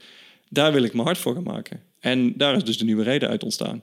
En voor mijn collega is daaruit ontstaan. Ze zei van, joh, ik wil gewoon het doen van onderzoeker meer inbrengen. Ik wil ehm, ook beter nadenken over hoe kunnen we nou, als we een opdracht gedaan hebben, daar, weet je, oké, doe je een opdracht en dat is leuk. Maar hoe, hoe, kunnen we vanuit daar nou kennis die we daar hebben geleerd doorvertalen? Al is het naar factsheets, al is het naar whatever. Maar dat we, dat we het gewoon A voor onszelf behouden. Hè, dat we onszelf ook dwingen. Wat heb ik hier nou van geleerd? Hoe vond ik dit nou? Maar ook dat de rest van de wereld daar iets aan heeft. En ja, zo, zo zijn we het afgelopen jaar bezig geweest om daar voorbeelden van te vinden. Om daar eens aan te wennen. Om daar stiekem in opdrachten die we toch al hadden lopen uh, eens mee te experimenteren. En nou ja, dat vormt dus zich nu tot en, dat, en al die ervaringen hebben we dus gebundeld. Daar heb ik die schrijfweken afgelopen drie weken voor gebruikt om dat te bundelen en, en een beetje rode draad aan te brengen. En uh, dat zal in de komende zeg, half jaar invloed gaan hebben op hoe wij uh, ondernemen. Ja, nou, wel mooi. Ook om te zien hoe zo'n droom, hoe je die opnieuw kan interpreteren. Ja. Ja, dat vond ik zelf het is dezelfde droom, alleen je, je, je, je legt de nadruk net even op een ander element daaruit. Ja, ja. en ik hoop dat, weet je, ik, dat, dat is altijd hè, een beetje inschatten van hoe, ik heb dat verhaal wel vaker verteld, voor, ook, ook tijdens lezingen. En, en um, ik, ik, hoop dat mensen zich dan een beetje kunnen voorstellen. Voor mij was dat echt, kijk, ik ben spreker geworden en daar ben ik een beetje ingerold. Um, ik was namelijk het verhaal daarbij is een beetje, ik, ik, was een slecht student in de zin van, ik ben niet gemaakt om te luisteren naar iemand vertelt mij dat ik die en die pagina's moet lezen en dat ik daar vragen over moet beantwoorden, moet ik een paper schrijven en dan moet je presenteren. En ik dacht altijd, wat vind ik daar nou interessant aan? Dat was dat presenteren. Dus hè, dan had je een groepje van vijf studenten bijvoorbeeld. Niemand wilde presenteren. Ja, behalve één. behalve jij. Behalve één. maar was jij toen ik aan het studeren was? Ja, nee, precies. En, nou, exact dat. Exact dat. Weet je, mensen zeiden allemaal van ja, maar ja, nee, als jij het dan, dan schrijf ik het wel. Dus ik had een, een ik, ja, het was voor mij een luxe leven. Want, want, je, want vier mensen werken zich helemaal in het zweet om dat ding goed te krijgen. En vervolgens mag ik zeggen, nou, dit haal ik eruit, dit haal ik eruit, dit haal ik eruit. En volgens mij moeten we dit gaan presenteren. Waar ik wel altijd al uh, of altijd, maar, maar sinds mijn studententijd veel mee bezig was, was hoe kunnen we dat onderscheidend maken? Weet je, we weten allemaal hoe het is om zeven, acht keer hetzelfde verhaal te horen. En we hebben allemaal dezelfde opdracht gehad, of in ieder geval dezelfde studie, dezelfde vak, whatever. En um, hoe kunnen we daar nou voor zorgen? Dus ik ben altijd gaan experimenteren met, kunnen we bijvoorbeeld in volgorde iets veranderen? Of kunnen we niet iets vertellen over hoe wij als groepje samen hebben gewerkt? Weet je, super tof die kennis en het onderzoek en de resultaten en de methode. Maar hoe, hoe was het voor ons nou om daarmee bezig te zijn? En door daarmee te oefenen, en dat ging niet altijd goed, maar door daarmee te oefenen, viel het wel op. En weet je, ik, wat ik zeg, ik stond niet bekend om uh, um, de hoge cijfers, eerder om de feestjes die ik organiseerde. Maar dat was wel een ding, zeg maar. En dat maakt je wel zichtbaar. En dat was wel een manier voor mij om bij docenten op te vallen en een bepaalde studierichtingen terecht te komen. En Um, ja, dat, dat was mijn pad. En er zijn vele manieren om dat te doen. Ik zeg niet dat dit het beste is. Ik zeg niet dat iedereen nu moet denken... oh, hey, super, ik word voortaan degene die presenteert... en dan komt het ook goed. Maar dat was, dat was mijn pad, zeg maar. En ik ben ook van een hele koude kermis thuisgekomen toen... toen weet je wel, ik, letterlijk in één week gebeurde dit net. Ik, ik studeerde af. Um, bij die laatste presentatie zeiden mijn docenten... Of eigenlijk vlak daarvoor, sorry, zeiden de docenten, wij willen niet dat jij de laatste presentatie verzorgt, want wij weten nou wel dat jij het kan. Iemand anders moet het ook uh, uh, leren. Plus, Etienne zou je niet ook eens leren schrijven. Dat was ook nog wel een ding natuurlijk. Want ja, als je het een niet doet... Kijk, zij presenteerde niet, maar ik schreef ook niet. Hè, dus je moest, ik moest dat ook nog even andersom leren. Uh, maar goed, dus dat hoorde ik. Dus um, aan het einde waren de docenten vol lof. Eentje vroeg me ook, wil je niet docent worden bij ons? helaas niet, want, uh, of niet zozeer helaas niet, maar dan moest je doorstuderen. Dat, dat ging hem niet worden, zeg maar. Maar ik voelde me helemaal de shit, want ja, weet je, een docent, een docent worden. En uh, ja, weet je wel, dat voelde goed. Ik, ik kon spreken. En ik heb de eerste twee, drie boekingen gehad. En ik kwam echt van een koude kermis thuis. Want ik kon wel spreken, ik durfde wel voor een groep te gaan staan. En ik durfde voor een groep te gaan staan van mensen die dat zelf niet durfden, waardoor het makkelijk scoren is. Maar als jij daarvoor bij spreken voor betaald wordt en uh, mensen verwachten even uh, zeer inhoudelijke kennis waar zij mee aan de slag kunnen gaan in hun dagelijks werk. Dat is, dat is toch wel echt iets anders, zeg maar. Dus ik heb het echt weer opnieuw moeten leren ook. Alleen daarom zei ik eerder ook, ik vind het soms een beetje een ondergewaardeerde vaardigheid, omdat, um, en daarom willen we ook geen sprekersbureau zijn. Ik vind dat er veel mensen zijn die ergens heel veel van weten, of die hebben een boek geschreven, of weet ik wat, en die worden dan ook nog spreker. En daardoor is voor mijn gevoel een beetje een soort snabbelcircuit ontstaan voor, voor een vaardigheid die als ik dan wel naar de geschiedenis van de mensheid mag terugverwijzen, heel veel betekend heeft. Van mensen die zich uitdroegen. Hè? En, en als we aan heel veel grote leiders denken, denken we aan de speeches die ze gaven, zeg maar. Ongeacht of die nou voorbereid waren of niet. En dan denk ik, ja, dat, dat, en niet dat ik nou mezelf in die orde waan, maar wel om, om te denken, ja, die, die vaardigheid zit gewoon heel veel in. En ik wil mensen daar ook in, in helpen en in leren. En ik Wat, vind, wat maakt iemand een goede spreker? geen idee. Of laat ik het zo zeggen, wat, wat, voor, wat voor skills zou iemand moeten hebben om... ehm, Nou, ik, of wat voor competenties om dat te kunnen? Ja, dus, dus dit is ook, ehm, ik ben blij dat vrij. Dit is ook een van de dingen die, die, die ik dus de afgelopen jaar meer ben gaan onderzoeken, zeg maar. Heel veel over gelezen, heel veel over gekeken. Het is, het is bijna, wat ik, bedoel, geen idee, klinkt natuurlijk heel stoer om dat zo stellig te zeggen, maar het, dat, dat is ook zo, omdat het, het, het kan heel erg variëren. Ik ben er wel beter achter gekomen wat het in ieder geval niet is. Oké. Wat het bijvoorbeeld niet is, is de gave om heel interactief te zijn. Mensen vragen, weet je wel, dan word je gebeld voor boeking en dan zeggen ze, ja, het moet trouwens ook wel een beetje interactief zijn. En mijn vraag is toch nog altijd, van wie moet dat? Want mijn ervaring is dat als ik tegen een zaal zeg, hey, en jullie mogen zo meteen ook zelf in de slag, dat er dit gebeurt. Mensen willen, mensen willen helemaal niet. Mensen kunnen het ook niet. Ik bedoel, ik heb net een half uurtje gepraat over gedragsverandering. Een paar technieken geleerd, een paar principes behandeld. En nu mag jij dat allemaal even toe gaan passen op een casus die je, hè, een eigen casus waar je nu op dit moment in je werk mee bezig bent, die je heel goed kent. En dan moet je dat allemaal in elkaar gaan lijmen. En over een kwartiertje gaan we dat met z'n allen bespreken. Ja, daar is nog nooit een mens gelukkig van geworden. Ik niet van wat ze produceren, want het heeft nooit de nuance Ah, en de ligt het dingen ook die. niet een beetje aan waar je lezing over gaat? En weet je, ik kan echt Sure. dat je hele kleine eh, oefeningetjes juist wel kan doen. Sure, maar het, het punt is een beetje dat ehm, de, de focus die er vaak op ligt, het, het is bijna een soort kwaliteitskeurmerk geworden. Van, van Oh, heb je een oefening of niet? Ja, ja, en het moet ook interactief. Ik ken genoeg groepen en zalen en, en eh, met name in, in leidinggevende en managementsland, zeg maar, die heel content zijn met gewoon eens een uur luisteren, er meer over leren en dan pas de beslissing maken. hey, hier wil ik met jou wel eens over doorsparren. En dan gaan we een case bespreken. Ja, ja. Maar heel veel mensen willen heel veel in dat, en dat is misschien het overkoepelende punt, heel veel in dat uur, laten we zeggen dat de lezing een uur duurt, heel veel in dat uur duwen. Van oefenen tot kennis, tot een, een persoonlijke anekdote, tot ja, het wordt gewoon te druk. En inderdaad kun je dan dus beter zeggen, joh, klein oefeningetje, is het helemaal de crème de la crème? Is het de exacte toepassing? Nee, misschien niet. Maar het is een eerste kennismaking. En dat is al genoeg voor mensen. Hey, en waar komt jouw ehm, eh, interesse in dit onderwerp vandaan? Dus gedragsverandering. Kijk, Mhm. ik weet natuurlijk wel waarom ik ooit psychologie ben gaan studeren. Waar- waarom is dat voor jou? Laten we daarmee beginnen. Ik, ik was gewoon, ik denk, ik wilde wel weten hoe dat zat. Ik bedoel, ik heb ehm, voor mensen die nog niet nooit hebben geluisterd, eh, aflevering 0. Daar zit mijn achtergrondverhaal. Ik en ik ben bijvoorbeeld gepest, maar ik ben heel, altijd heel erg in tune geweest. En niet eens zozeer door het pesten. Ik denk dat dat misschien meer de druppel was die de emmer liet, liet, overlo- liet overlopen. Maar heel erg in tune met de buitenwereld. Zo van, ehm, wat, wat gebeurt daar? Omdat dat invloed heeft op mij, zeg maar. Mhm. Eh, en ik denk dat daar mijn interesse in psychologie vandaan komt. Zo. Maar hoe werkt dat dan bij mensen? Zo van, en waarom, waarom doen mensen zo? Ja. Dus ik weet wel, en ik, wil, ik ben sociale psychologie gaan studeren, omdat ik, of niet gaan studeren, want dat kon toen alleen nog maar als minor van economische psychologie in Tilburg. Ja. Want dat heb ik eerst de Ja. propeduizen gedaan. dacht ik, ja, maar ik wil helemaal niks wat met geld en, en kapitalisme te maken heeft. En inmiddels denk ik ook, ja, ik was heel jong.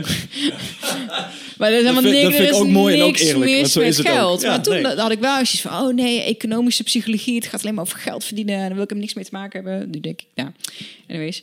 Maar ik weet wel dat dat daar vandaan komt, die interesse in. eh, en het is heel slecht eigenlijk. Ik heb nooit de intentie gehad van, oh, maar ik wil daar andere mensen mee helpen. Het was wel altijd wel vrij ego-centered, omdat ik dat wilde, ik dat wilde weten, besef ik me ineens. Het, eh, Maar ja. De vraag is of dat fout is. Hè? Als je zegt van ik ben daar goed in, dan... ehm, kijk, stel dat je beslist ik wil topsporter worden. Dan doe je dat omdat je merkt van ik, ik ben daar goed in en ik heb daar plezier in. En dan, dan kan het toch ook bijdragen dat mensen naar komen kijken of het heel mooi vinden om jou te volgen. Maar ik denk dat de meeste dingen... De ego is ook niet zo'n heel slecht ding over het algemeen hoor. Maar waar, waar, waar komt jouw interesse in die gedragsverandering vandaan? Hier, hier is het ding. Als je...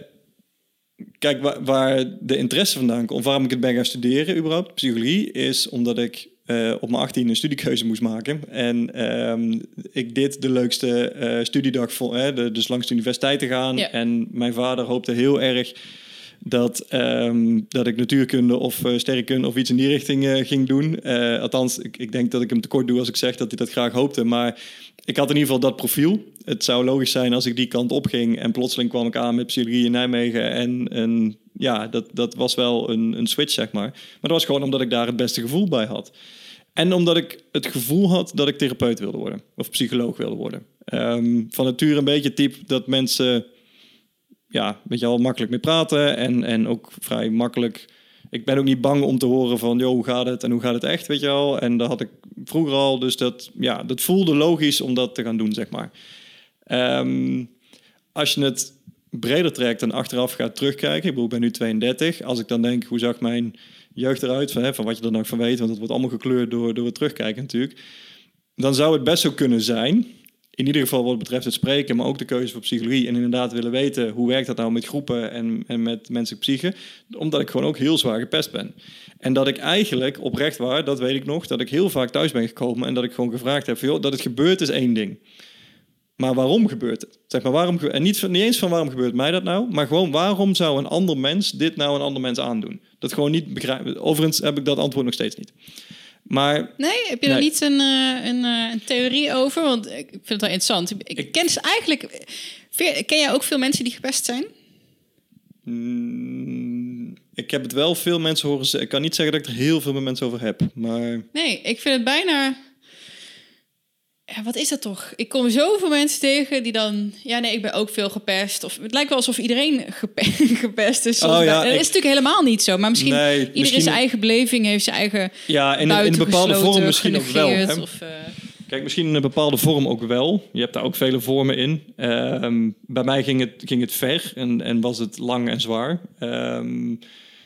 Wat was het ergste wat... Uh wat, is daar, wat daarin is gebeurd? Het ergste wat mij gebeurd is, is dat, wat ik nu nog weet, maar ja, dat is in ieder geval blijven hangen, is een moment geweest waarop, wij hadden op een gegeven moment, meen ik groep 6, pin me er niet op vast, met basisschool ben ik gepest, dus de, de vroege jaren. En, um, of in ieder geval vroege jaren als in voor de middelbare school. En dat, volgens mij was het in groep 6, hadden wij een juffrouw die, die zwanger was op een gegeven moment en die moest af en toe de, de klas uit.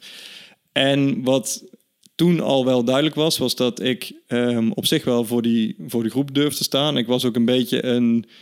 Ja, ik was ook klein en iel. En um, ik, ik, was ook op, geloof het of niet, ik was het van de klas. En het, het, was, het was ook, ja, het was ook nog niet veel, zeg maar. Het was nog, ja, het was nog Etienne, weet je, dat was nog zo'n lief klein manneke.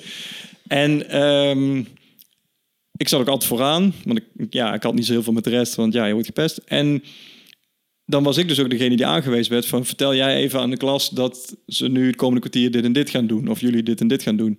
En dan ging zij weg. En het ergste wat, wat ik me kan herinneren wat toen gebeurd is, is dat ik dat een keer moest doen. Dat ik voor die groep stond en dat ik zo keek en dat ik een soort van aanhaalde om dus te gaan vertellen en dat ik letterlijk en figuurlijk alles naar mijn kop gesmeed kreeg wat je maar kan bedenken. Van scheldwoorden tot uitlachen tot grappen maken over kleding tot uh, etuis tot weet ik wat, zeg maar. En dat ik echt in tranen ging, zeg maar. En dat op een gegeven moment komt zij terug en zij treft mij daar zo aan, weet je, aan de grond genageld, compleet in verdriet. En, en een klas die uiteraard redelijk stil is op dat moment ineens en, en uh, zich van geen kwaad bewust is, zeg maar. En dat is, uh, dat is echt. Timing. Eén seconde. Timing.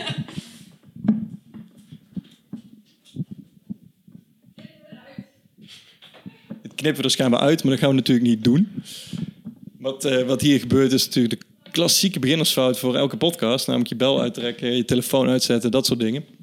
Um, maar ze doet het wel heel goed hoor. Het is wel... Als je die eerdere aflevering niet gehoord hebt, terugluisteren. Nou, hoeft het er niet uitknippen hoor. Even wat wijze raad geven aan de kijkers. Oh, oké, okay, cool. Maar um, dat is het ergste gewoon letterlijk en figuurlijk alles naar je toe gesmeten krijgen. Ik moet ook eerlijk bekennen dat ik daar achteraf een moment van heb gemaakt. En dit heb ik er zelf van gemaakt. Weet je, als je dat iets vindt of niet, dit kan helemaal de invloed zijn van al die motivational video's. Maakt me niet uit. Dit is wat ik ermee gedaan heb. Is dat ik uh, op latere leeftijd besloten heb. Dat kan je eigenlijk bijna niet meer gebeuren. Daar maak ik zo nog een kleine aantekening bij. Maar ik heb wel het gevoel dat, kijk, je kan mij nog steeds in de zijk zetten en uh, misschien aan het janken krijgen en weet ik wat. Je kan me nog heel veel doen, maar dat kun je niet meer met me doen. Zeg maar, ik ga niet meer meemaken, ga ik vanuit, in mijn volwassen leven, dat 24 mensen besluiten alle pijlen op hem, zeg maar. En met als enige doel om je ook zo klein mogelijk te maken. Dat, kan ik me bijna niet meer voorstellen. De aantekening die ik erbij maak, is dat ik me um, sinds korte tijd, dat is ook iets ik, ik wilde dit ook op een gegeven moment een plek geven. Dit heeft natuurlijk toch ergens wel invloed op je gehad. Het is een beetje wat je zegt. Soms komt in een gesprek naar voren. En dan merk je ook wel van, hey, dat zou best nog wel eens invloed gehad kunnen hebben op iemand. Maar ja, het wordt ook niet... Op een gegeven moment laat je het ook een beetje gaan. Weet je wel, jongeren, kinderen zijn kinderen, whatever. Ik dacht ja, toch moet je daar iets mee. En ik werd getriggerd door een aantal, eh, in het nieuws, artikelen die ehm, gingen over dat het pesten op de werkvloer zo ontzettend een toenemen is. In ieder geval wordt het, is het nu een onderwerp. En toen dacht ik, het zal, het, het zal je toch gebeuren. Dat je, stel nou, kijk, ik ben een eigen bedrijf begonnen en heb fantastische collega's en niks aan het handje. Dat zou je toch gebeuren dat ik, dan was ik afgestudeerd geweest. En voelde ik me helemaal de shit, hè, universitair. En, uh, alle wegen liggen open en je gaat aan het werk en je denkt, nou, helemaal gemaakt. En dan gebeurt het je weer. En dat was wel een gevoel waarvan ik dacht, daar ga ik me tegen verzetten. Als je het nou hebt over gewoon voor inzetten wat niks met geld of weet ik wat te maken heeft, zeg maar. Wat, wat mijn werk al in zich heeft. Wij, wij bedienen voornamelijk maatschappelijke thema's. We hebben onze kracht altijd voor het goede gebruikt, zeg ik altijd. En bla bla. Maar Plants Behavior is uiteindelijk ook iets wat geld verdient. En de nieuwe reden ook. En bla bla bla. Maar als je het nou hebt over een onderwerp waar ik zeg, daar wil ik gewoon iets aan doen, omdat ik daar iets aan wil doen, dan is dit hetgeen wat het dichtstbij komt. Mm. En ik ben nu in gesprek met bijvoorbeeld Stichting tegen Pest op de Werkvloer, die, um, die zich daarvoor voor inzet. Hoe heet die stichting? Pest op de werkvloer, volgens oh, mij. Ja, het is een wat ironische naam. Um, ik zal nog wel even het linkje uh, sturen. Graag. Die geven trainingen en weet ik wat. En die zetten zich daar gewoon voor in. Om, en daar had ik echt het gevoel van... ja, het zal je toch niet, het zal je toch niet gebeuren, zeg maar. Dat je, dat je, dat het je dan weer overkomt, zeg maar. Um, als volwassen mensen, jongens, kom op, zeg maar. En um, ik ben even kwijt hoe ik erop kwam. Maar... Ah, het, ik, ik, ben met een paar gedachten tegelijkertijd, as usual. Dat gebeurt mij ook zo. nou, ik vind het heel um, fascinerend, zeg maar, het hele concept pesten en waarom iemand dat zou doen. Als je ja. uh, kijkt naar groepsgedrag, uh, onzekerheden die zich dan uiten, weet je wel. Dus je eigen onzekerheid eigenlijk maskeren door onbewust iemand anders kleiner te maken. Kijk, het zijn natuurlijk allemaal, en vooral bij kinderen, het is allemaal onbewust. Er is niemand die dat expres doet. Ze nemen gedrag over van thuis. Ja. Uh, je, bent al, je hebt natuurlijk als opgroeiend brein heb je heel erg allerlei fasen die je doormaakt. En je moet ook zelf je eigen plekje in de wereld uh, vinden. Zeker. En Ehm, ik ben ook net als jij heel lang en heel zwaar gepest. De laatste twee jaar basisschool en de eerste vier jaar middelbare school. En daarna was ik er gewoon nooit. Dat scheelt ook, dan niet gepest. dat is, ook een, is ook een oplossing. Ja, ja nou ja, zeker. En um, um, achteraf, kijk hoe, hoe kloot het ook was. Ik ben wel ergens blij dat het is gebeurd. Ik uh, moedig pest het niet aan. Maar het lijkt wel een beetje ook alsof het erbij hoort. En het zit ook een stukje karakterbeelden. Maar misschien ben ik al zover met het omdraaien in een, in een positief iets. En ook zo ja, weet je, je, je kan het verleden niet veranderen. Nee. En als je blijft hangen in, ja, maar was het maar anders geweest dan blijf je altijd hangen in lijden, zeg maar. Mhm. Want het is geweest zoals nee, dat, het was. Dat is het. Kijk, en dat is dus inderdaad de vraag van in hoeverre wil je ervan leren. Dus ik heb op een gegeven moment geleerd om te zeggen tegen mezelf, dat gaat je niet meer gebeuren. Dus je, je, kan rustig dat podium op. Nou heb ik nooit podiumangst daardoor gekregen bijvoorbeeld, of sprekersangst. Nou, maar het zou natuurlijk best kunnen. Misschien dat je juist ja, nee, daarom nu wel spreker bent. Ja, ook, het, ja, het ironische is dat bent. mijn moeder zei op een gegeven moment dat ze heel verbaasd was dat ik dus spreker werd. Hè, dat je dat gaat doen. Juist omdat je die ervaring hebt. Mijn vader vond het heel erg logisch. Ja. Van, van je hebt dat een plek gegeven en, en nu ga je ze laten zien van... En je bent weerbaarder ook. Ja. Want het kan je ook gewoon niet meer gebeuren. Bij heel veel dingen die mensen eng vinden. Kijk, spreken is echt zo'n typisch iets waar mensen bang voor zijn. angst nummer één. Ja, uh, spreken voor een groep. Terwijl als je nagaat, wat is het ergste dat kan gebeuren? Ja, daar moet je dus niet eens over nadenken, want het gebeurt maar, niet. Maar omdat, ja. zo van, what's the worst that can happen? Ja, eigenlijk valt het best wel mee. Nou, je kan misschien zweten, of je krijgt misschien een etui tegen je kop uh, geslingerd krijgen. Ja. Wat bij kinderen wel gebeurt, maar laten we ervan uitgaan dat ik in een zaal voor volwassenen sta, niet in een zaal met uh, varkens. Um, zo van, eigenlijk valt het wel mee, maar het is in ons hoofd dat we het helemaal gek maken. En jij, omdat, misschien wel omdat je al zo'n... Ja, het werkt heel, heel... Ervaring hebt. Ja, het werkt heel relativerend natuurlijk. Het, het, het kan je gewoon... Het ergste heb je al gehad. Ja, Dan, dan kan het in die zin alleen maar beter gaan. En um, het grappige wat je net zei, van ik, ik, er zijn een paar mensen die bij ons uh, presentatiecoaching uh, volgen. De nieuwe reden, onder andere waarom we geen sprekersbureau zijn, is omdat we daarnaast dus ook coaching aanbieden. Niet alleen mensen te boek hebben, maar ook uh, coaching. En een van de mensen die bij ons coaching loopt, die zei op een gegeven moment, ja, maar wat nou inderdaad als mensen het echt helemaal niks vinden en bij wijze van spreken tomaten gaan gooien. En dat was een interne presentatie van collega's. Ik zeg, als ze dat gaan doen, als je dat gebeurt, dan ga je een ander werk zoeken. Ja. Ja, daar wil je toch niet mee werken? De is toch, daar zou ik niet eens, de, dus, daar komt bij mij niet eens op om dan nog te denken van, daar moet ik iets aan veranderen, zeg maar. Weet je, de- dan hebben zij een probleem, niet jij. Kijk, dat, je, dat er achteraf over je gepraat wordt, dat er eh, verschillende meningen zullen zijn, dat mensen bot kunnen doen, dat mensen gefrustreerd kunnen, En allemaal dan waar. ga ik terug naar doe geen aannames maken, niet persoonlijk. Ja. Je, je, weet niet wat mensen denken. Nee. En je weet niet waarom ze. Dat heb ik als docent moeten leren. Eh, je weet niet waarom iemand zit te gapen. De eerste keer dat ik voor een groep met studenten stond. ik ben vijf jaar docent geweest in het HBO. Ehm, ja, ze zitten op je telefoon te kijken of te gapen of niet te kijken. Het is een extreem moeilijke doelgroep, studenten in het HBO, om die aandacht te houden. Want die hebben niet de mindset van ik betaal jou hiervoor. Wat Nee. je als, eh, als er spreker komt, dan hebben ze nog zoiets van nou, daar betalen we voor. Daar willen we ook echt naar luisteren. Als, Ja. als docent ben je toch een beetje zo van nou, het moet. Ja. Ik zit hier omdat het moet. Ehm, denk, ja, als ik ga zitten denken, ze zitten te gapen omdat ik saai ben. Ja, dan hou je het niet lang vol. Nee. Eh, dan raak je Nee. over, zit je overspannen thuis. Terwijl, nou, misschien hebben ze een wilde nacht gehad. Ehm, kort geslapen. En dan kort geslapen omdat ze zijn gaan feesten... of omdat de moeder ziek is, we- Ja. ziek is weet Ja, je ja. wel. Ook daar kan je geen Ja. aannames over doen. Nee. En het vooral niet persoonlijk nemen. Dat die zitten gapen zegt alles over die persoon. Hij is moe. Ja. Zegt niks over mij en wat Nee. hij van mij vindt. Nee, het enige wat het over jou zou kunnen zeggen, is dat, het, dat je, ehm, en, en dit is een beetje waar, ik, waar we het straks over hadden, hè, van, van je, kunt het, je kunt naar binnen toe kijken, wat dus een, een goede of een slechte uitwerking kan zijn. Hè. Ik kan naar, me- naar mezelf kijken en denken, ik ken mezelf beter, dus word ik docent. Ik kan naar mezelf kijken en denken, hoe hij vindt mij saai. Nou, dat is niet handig om te doen. Dus ligt het aan diegene, bij wijze van spreken, hè, omwille van een lange nacht of naar de voorbeelden net schets. Of misschien totaal niet zijn interesse. Misschien zit die Nee, persoon er wel echt interesse. omdat het moet... en heeft er nog een hele lange to-do-lijst. Weet En wat je, Ja. Maar wat je ook zou kunnen doen is, ehm, en, en ongetwijfeld heb je dat gedaan, en ik weet dat ik dat zelf ook moest leren, maar op een gegeven moment ook ben gaan doen, is dat je denkt, oké, stel dat hij het niet interessant vindt, in ieder, geval vindt, in ieder geval heb ik hem niet helemaal nu, zeg maar. Wat kan ik nog doen om dat wel zo te krijgen? ja, precies. En Ja, dan hoef je hem nog niet aan te wijzen, ah, ik zie dat jij zit te gapen, what up. Maar wel van, ehm, joh, jongens, luister, wacht even, heb, heb ik jullie nog of niet? Weet je, ja, ik kun je eens herhalen wat ik, weet je, het, het zijn de stomste dingen, maar dat kan natuurlijk gebeuren. En dit komt van iemand, trust me, ik, ik ken het. Ehm, ik heb wel eens mensen gewoon letterlijk in slaap gepraat. Er is één roemruchte presentatie die ik ooit, een lezing die ik heb gegeven voor een groep vrijwilligers op een zaterdagmiddag in, ik meen het Dolfinarium. was niet voor de organisatie Dolfinarium, maar die, die waren daar te gast, zeg maar. Hadden een soort bedrijfsuitje en mijn lezing was daar dan onderdeel van. En er was, ehm, dat is wel belangrijk, die setting was, het was echt heel warm, gedimd licht. En ze hadden, de beamer die stond recht voor het podium. Ehm, dus dat betekent dat je, ehm, dus, dus eh, halverwege het podium stond ik in mijn eigen beeld. Dus wat je daardoor doet, en ik had veel tegenlicht daardoor ook. Dus wat er gebeurt, is dat je een beetje zo van links naar rechts blijft lopen. En dan moet je dus voorstellen, het is heel warm. De doelgroep is wat ouder.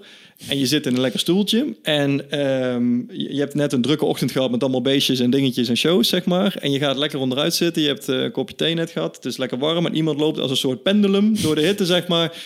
Nou, en ik zweer het je, het duurde denk ik een kwartier te lag de eerste pitten, zeg maar. Heb ik gewoon letterlijk in slaap gepraat. En ja, dat, dat gebeurt je ook, zeg maar. Ja, dat, dat, Nou, die heb dat- jij dus niet in slaap gepraat. Nee, maar goed. Kijk, ik bescherm mezelf natuurlijk ook door nu heel die context te schetsen. Maar ik heb hem in ieder geval ook niet wakker gehouden, zeg Ja. maar. Dus, en als je dat ziet, denk je... En ik heb het wel vaker gehad, weet je. Dat, dat, dat, ik weet nog, één keer kan ik me nog goed herinneren.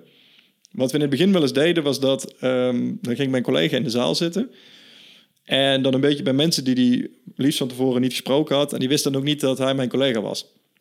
Dus dan kon hij een beetje reacties peilen. Weet je, dan hij tussen oeh, dat was wel eh, pittig. Of eh, weet je wel, hey, eh, leuk hè, of niet. Weet je, gewoon met je buren interacteren. Maar ik kon dus aan hem zien, want ja, na, na een x aantal jaar kun je elkaar ook wel lezen. Kon ik aan hem zien, hoe, hoe vindt in ieder geval die hoek het? Hè, dus stel dat hij wat verder achterin zit, bereik ik daar mensen, of als hij voorin zit, hey, die, zit die zit er recht in of niet. Hij beelde dat dan als het ware uit.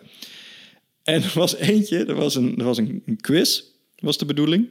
Althans, hadden we bedacht, hè, het moest en inhoudelijk en interactief. We hadden een quiz gemaakt. En na een kwartier denk ik, ik heb deze mensen helemaal niet. En ik, ik zie hem zitten, ik zie Wesley zo zitten. En voor de mensen die alleen luisteren, dus echt met zijn handen door zijn gezicht wrijven van... Kerel, schei uit, dit, is hem zo niet. Alleen, dat zie je na een kwartier en ik was anderhalf uur geboekt. En dan kun je altijd wel een klein beetje gas geven en daar vijf kwartier van maken. Maar je mag toch nog rustig een uur, zeg maar. En ik heb, Jeanette, ik heb alles naar die mensen gegooid. Ik heb alles geprobeerd. Ik heb elke aanpassing die in mijn arsenaal zit om te doen, werd hem niet. werd hem gewoon echt niet. Was, was niet meant to be die dag. En ja, zwaar, weet je, dat, dat gebeurt je ook. Maar dat is dus het grote voordeel, denk ik, van eerdere ervaringen. Dat je, en natuurlijk, hè, dat, dit is ook natuurlijk een ongelooflijke open deur, dat ervaringen maken dat je anders met dingen omgaat, zeg maar. Maar ik denk dus dat zo'n ervaring in je jeugd inderdaad wel een soort relativeringsvermogen mee zou kunnen brengen, waardoor je zegt, ja, dit is niet het ergste wat mij gebeurt. Zeg maar. Ja, ja, weet je, en dat en wat ik er ook mooi aan vind, um, ik kwam het recentelijk in mijn, in mijn sociale kring nog wel tegen. Oké, en dan gaat het een keer mis, dan heb je Ja. zo'n ervaring. En dan kan je daarin blijven hangen en eh, die mensen allemaal opbellen. En ja, en weet je wel, je verhaal gaan lopen halen of jezelf rechtvaardigen. Nee, Ja, het it happened. nee. ja, dat, ga, dat kan ik ook- Moving on. Ja, dat en kan, ik door. ook, dat kan ik ook wel garanderen dat ik... eh, er zijn echt wel mensen die... ehm, hè, mijn, mijn ouders wonen nog steeds in dezelfde omgeving. Dus als ik hen opzoek, dan, dan kan het zomaar eens voorkomen... dat ik er eh, eentje tegenkom, bij wijze van spreken. Ehm, da- daar zal ik nooit zeer vriendschappelijk naar zijn. In de zin van, eh, weet je, die, die band is ook niet gegroeid. Dat, daarna ben ik naar een, naar een andere stad... eh, ehm, op naar de middelbare gegaan, dus ik heb dat ook achter me gelaten. Dat is wel de keuze die ik gemaakt heb. Ik laat het ook achter me. Het heeft een plek zou je daar psychologisch verantwoord, therapeutisch van alles van kunnen vinden? Vast wel. Is het echt verwerkt? Vast niet. Maar het heeft een plek. Maar ja, daar is het dan ook wel. Dus ik ga het daar ook niet meer opzoeken en inderdaad dus over hebben en gesprek. En joh, we hebben het heel goed hoe we het nu hebben. En we leren ervan. Ja, dat is. En zo het, is, kijk het ik. is wat anders als je daar nog dagelijks pijn aan ondervindt. Nee, tuurlijk. Hey, luister, ik, Dus- wil ook, ik wil ook tegen niemand die daar inderdaad nu nog echt last van heeft... of die daar nu mee te maken heeft, zeggen van... joh, aan de kant schuiven en door. Dat is niet Ja, oplossing. En ook wat je zei van, hè, dan, dan heb je zo'n lezing, zo'n quiz die niet Ja. aanslaat. Want dat eh, bedoelde ik eigenlijk. Van, je, je hebt dus een, een, eh, een ervaring waarvan je denkt, ja, dit is echt worst case scenario, hele zaal die ik niet mee heb. En, en dan nog kan je ook zeg maar die organisatie of dat bedrijf en dat proberen recht te zetten en dan nog aan alle kanten proberen op te fluffen. Maar je kan ook zeggen, ja, oké. It happened, Ja, I happened. fucked up. Ja, of happened, wat het dan ook was, of ik het was, of die mensen het waren, of, of mismatch, whatever. Tuurlijk. It happened. Tuurlijk. Luister, en we- ik, ik ben altijd heel erg voor zelfverantwoordelijkheid nemen. Dus zou- weet je, oké, Ja. weet je, ik had beter mijn best kunnen doen. Ik had me beter voor kunnen bereiden, inlezen in deze groep. Ik, whatever, Ja, ligt aan mij. Weet je, het is mooier om het gewoon bij jezelf te houden. Ja. En geen aannames doen over waarom dat dan is. Oké, en moving on. En Ja. door. Weet je wel, en Ja, volgende maar keer gaat het, is het gewoon beter. In plaats van dat dan helemaal krampachtig nog proberen Nee, recht te trekken. Dat is ook zo. Kijk, en, en ehm, ook dat zijn aannames. Hè. Ik had het beter kunnen voorbereiden. Ik had het beter. En misschien wel niet. Ja, het, het, het kan je Nou, ik, gebeuren. ik, vind, ik vind altijd wel charmant om... Weet je, ik hou Zeker. de verantwoordelijkheid bij mij. Ja, en niet, nee, dat- nee, oh dat nou, wat ja. een rotgroep. Of eh, degene die mij geboekt heeft. Of nee, weet je wel, het weer was dit. Of, Nee, dat, dat, ehm, nee dat, dat kan allemaal meespelen. Alleen, ik, ik heb ook inderdaad altijd zoiets van... als dat je opvalt, ja, je- dan kun je er dus inderdaad over klagen... en achteraf een argument van maken. Maar als het je op dat moment opvalt, moet je er op dat moment iets mee. Ja. En ehm, dat, dat is zeker eh, waar. Kijk, een, een van de andere dingen waar ik aan moet denken... nu je dat zo schetst, is dat... Je ziet dat nu ook een beetje verschuiven als het bijvoorbeeld gaat om social media. Hè? Het, het, het hele idee van het altijd maar presenteren alsof het goed ging. Het idee dat je, ehm, ik, ik merk het ook vaak op, op ja, netwerkbijeenkomsten, weet ik wel. Het gaat natuurlijk altijd iedereen goed. Hè, hoe gaat het bij jou bed- op bedrijf goed? Ja, met jouw bureau, ja goed, ja, werk en druk, ja, wel druk. En weet je wel, denk van ja, maar jongens, er zijn ook offertes die niet doorgaan. Hè? En er zijn ook opdrachten waar ik heel veel in investeer en die uiteindelijk niet doorgaan. Of die minder betalen, of die helemaal niet lopen zoals we denken. En sterker nog, ik zou je dit garanderen, van alle opdrachten die wij doen, er is altijd wel iets wat natuurlijk anders loopt dan dat je gedacht had. Al dan niet in positieve zin, al dan niet in negatieve zin. Dat is gewoon zo. En ja, ik ben daar ook niet zo bang voor om dat uit te spreken, zeg maar. Dit is gewoon hoe het gebeurt. Hè? Net als dat, je- jij vraagt me nu een aantal keren waarvan ik zeg... ja, weet ik daar het keiharde directe antwoord op? Nee, dat is gewoon, daar ben ik ook nog mee bezig. Of dat is er misschien nog niet, of ik weet gewoon niet. Weet je wel, ja. Het, het gebeurt, zeg maar. nou, het jezelf eh, eh, kwetsbaar durven tonen. Dus ook Ja. de mindere kant tonen. Dus in een podcast zeggen dat je gepest bent. Of Ja. eh, is een netwerkbijeenkomst. Weet je wel? Het is Ja. niet allemaal roosgeur. Nee. Ik denk dat, je- dat je dat juist eh, sterker maakt. Brené Brown heeft daar natuurlijk veel eh, Ja. over geschreven. Kwetsbaarheid. Ja. Voor de mensen die daar wat meer over eh, willen weten. Dus Ja, en het is, het is ook iets waarvan je moet... Kijk, het, ik, ik ben heel erg geïnteresseerd in balans en in contrast in het leven. En het is heel, heel moeilijk om in te schatten... wanneer moet je dat wel vertellen, wanneer moet je dat niet vertellen... eh, wanneer wordt het... eh, oh joh, weet je wel, eh, ja, je bent gepest, weet je wel... een zielig verhaal en gebruik je dat nou? Of hoe zit dat? Versus, oh, dit is inderdaad... Dat is heftig, dat wist ik niet van hem. De, en, Nou, en, dat vind ik interessant en dat maakt karakter. En het Ja. grappige vind ik, of het grappige, het opvallende vind ik dat Iedereen heeft iets. Iedereen heeft uh, een verhaal. Iedereen heeft zijn. En dat hoort erbij. Dat is gewoon mens zijn. Dat is jezelf ontwikkelen. Dat is groeien. Um, tegenslagen is niet negatief. Nee, zeker niet. Alleen moet je dus. Ik zou je een voorbeeld geven. je moet het een beetje ja, een beetje lelijk verwoord misschien, maar je moet het een beetje leren gebruiken ook. Ik, een, vriendin van mij, dat is ook een, een spreker, een, een jonge meid rond de 25. En die, um, die, die heeft een verleden. Ja, ik wil niet haar verhaal vertellen zonder ook dat ze dat weet. Maar laten we zeggen dat ze de zorg aan beide kanten kent. Mm. Dus, dus zij is een tijdje in, in allerlei jeugdinstellingen en weet ik wat gezeten om allerlei verkeerde diagnoses. En heeft zich daar vervolgens in verdiept van, joh, wat, wat is er nou eigenlijk allemaal met mij gebeurd? En is nu, zit, werkt nu zelf in de zorg. Dat even, ik hoop dat het een beetje helder is, maar dat is een beetje kant. Kent zorg van beide kanten. Maar wat er bij haar lezingen gebeurt, en ik, schitterend verhaal, weet je, als je hoort wat haar is overkomen, dan heb je met je pest niks te Weet je al, dit is, dit is echt ja. lijp. Als jij het verkeerde psychische labeltje krijgt en daar allerlei therapieën en medicijnen voor krijgt en je blijkt dat niet nodig te hebben, zeg maar.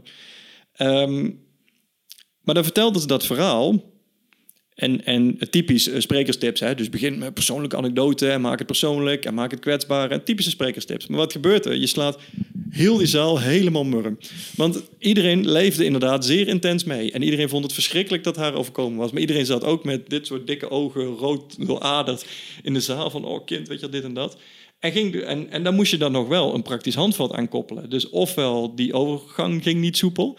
Want in één keer was het van, ja weet je, allemaal trauma en ellende en pijn en verdriet. Maar nu kun jij dit doen. En dan dachten we, oh, eh, oké, weet je wel. En dan klonk het dus ineens als echt als gebruiken. Als, als een soort van upselling van je, van je product of advies.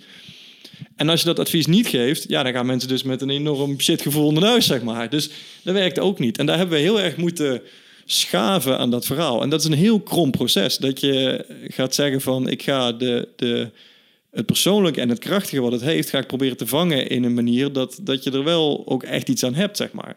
Want dat is ook wel spreken natuurlijk. Ja, en dat is storytelling. Dat is storytelling, ja.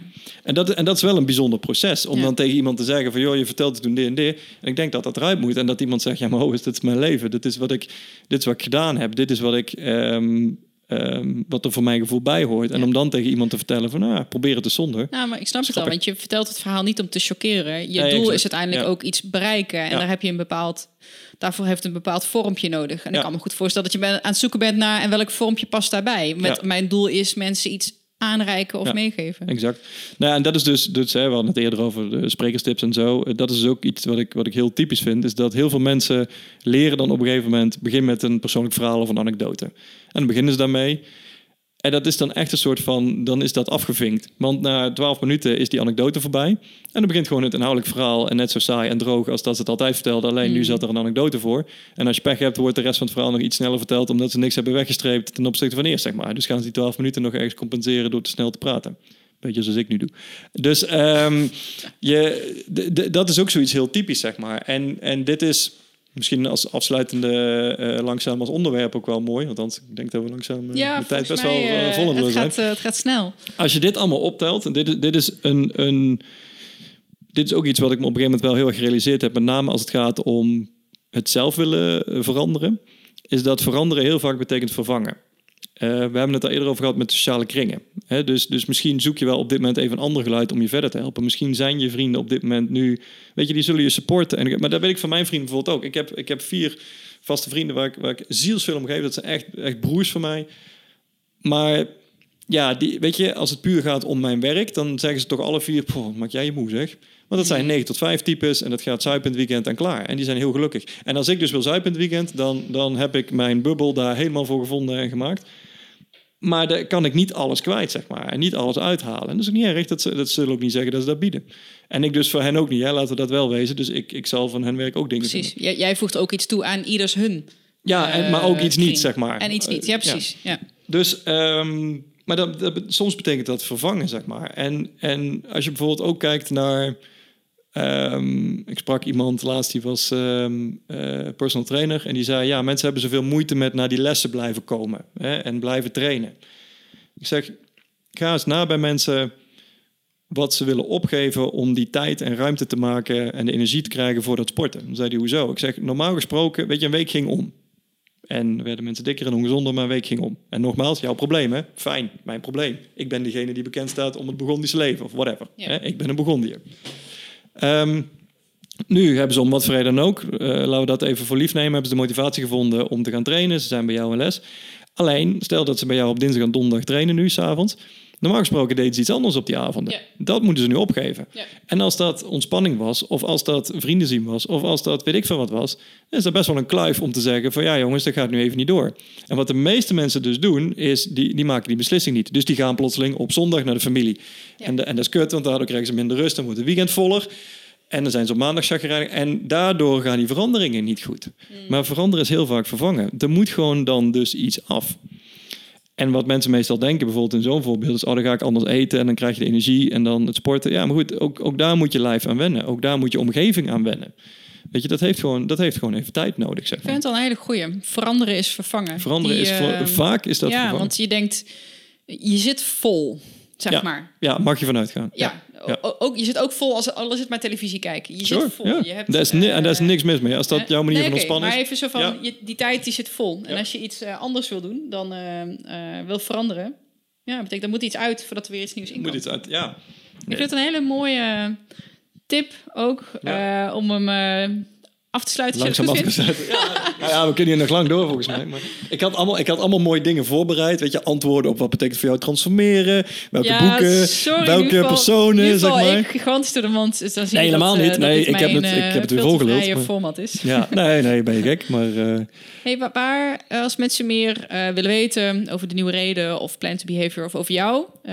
ehm, waar kunnen ze het beste terecht? makkelijkst is mijn naam invullen op LinkedIn. Want dat, dat richt ik zoveel mogelijk in als ehm, een platform om alles wat ik doe kenbaar te maken. En, en eh, nou ja, dan vind je alle namen van de nieuwe reden en plan to behavior en alle dingen die we genoemd hebben. Ehm, het komende half jaar zal ik daar ook heel veel. eh, weet je, het, het, heel kort als het mag. Een, ehm, nu hebben we dus achter gesloten deuren hebben we die schrijfweken gehad. En wat ik zeg, we hebben een jaar lang geëxperimenteerd, een beetje tussen de regels door. Een van de dingen waar we nu ook mee gaan experimenteren is om dat proces wat zichtbaarder te maken. En je kunt zeggen van, nou, over een half jaar bijvoorbeeld een nieuwe dienst. En dan is dat er ineens en dat kondig je hè, een week van tevoren stiekem aan. Maar ik wil eigenlijk dat proces van er naartoe werken ook stiekem een beetje meer, of niet stiekem, dat wil ik wat openbaarder gaan maken. Want ik merk gewoon dat ja, mensen vinden dat ook interessant. Hè? Van, van, eh, je kunt zeggen, ik was naar Tony Robbins. Oh ja, eh, maar mensen vinden het ook die week daarvoor vonden mensen eigenlijk veel interessanter. Die schrijfweken merkte ik ook dat mensen... Iedereen vraagt wat is er uitgekomen, maar mensen vragen ook allemaal, maar hoe vond je dat?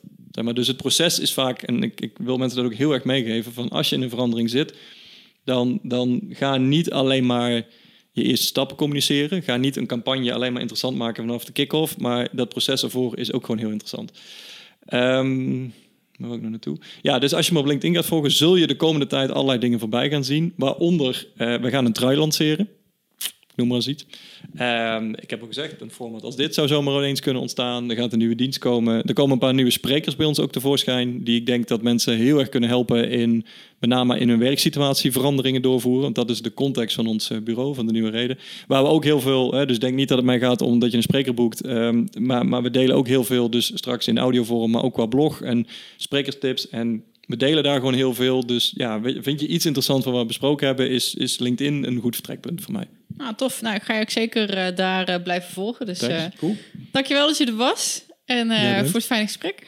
Heb ik nog iets gemist? Wil je nog iets? Ah, dat Nou, Los van alle antwoorden die je hebt voorbereid. los van alles. want, daar- ehm, want dat gaat even... Nee, nee. ehm, nou, weet je, weet je, ik zou het... Maar dan, ik, ik ben niet het type dat graag zichzelf uitnodigt. Maar nou, nogmaals, misschien kun je een keer bij ons te gast komen. Het lijkt mij helemaal te gek om een keer nog een, een gesprek te hebben over... Wat ik zeg, nu is heel veel in ontwikkeling. We zijn nu net aan de vooravond van beslissingen nemen vanuit die ontwikkelingen en nieuwe dingen starten. En het lijkt me te gek om eens te kijken van ja, waar sta je dan over een jaar? Van, van waar leiden dit soort Ja, inzichten? hoe zat het met jullie veranderingen? Ja. wat heb jij vervangen? Het een van de weet je, mensen, en eh, dit is het laatste wat ik erover zal zeggen, maar je merkt dat mensen, eh, wat ik zeg, mensen vinden dat proces heel interessant. Weet je, als je als, je als gedragswetenschapper en, en ondernemer dan eens naar Tony Robbins ging, dacht ik, wat doe je daar? Hoezo ga je daarheen? Weet je wel? Eentje vroeg letterlijk, gaat het thuis wel goed? Dan denk ik van, ja, maar dit is niet, weet je wel, dit is niet de motivatie. Maar mensen hebben dat proces en nodig. En ja, we zijn gewoon aan het experimenteren. En, en ja, wellicht is het interessant om te kijken van waar kom je dan uit. Het is een breed speelveld. En ik vind het alleen maar leuk. En nogmaals, ook als mensen, laat ik die oproep zeker doen. Als mensen zeggen, joh, dat hele nieuwe reden, ik ga dat eens lezen. Ik zie dat, ik zie mezelf als redenaar. laat het weten. Weet je, ik ben altijd op zoek naar interessante geluiden, naar mensen die een verhaal willen vertellen, die organisaties en de mensen die daar werken verder willen helpen. Ehm, dus ja, de, de- gebruik de platformen ook die ik heb, want, want ik gebruik ze echt niet voor mezelf alleen. Mooi. Dankjewel. Om nog even terug te komen bij je droom. je visie met een groep mensen op Carré. het podium. Ja, in het carré. Ik ben erbij. Ik, je, je krijgt ook zeker een uitnodiging. Etienne, dankjewel. Jij ook.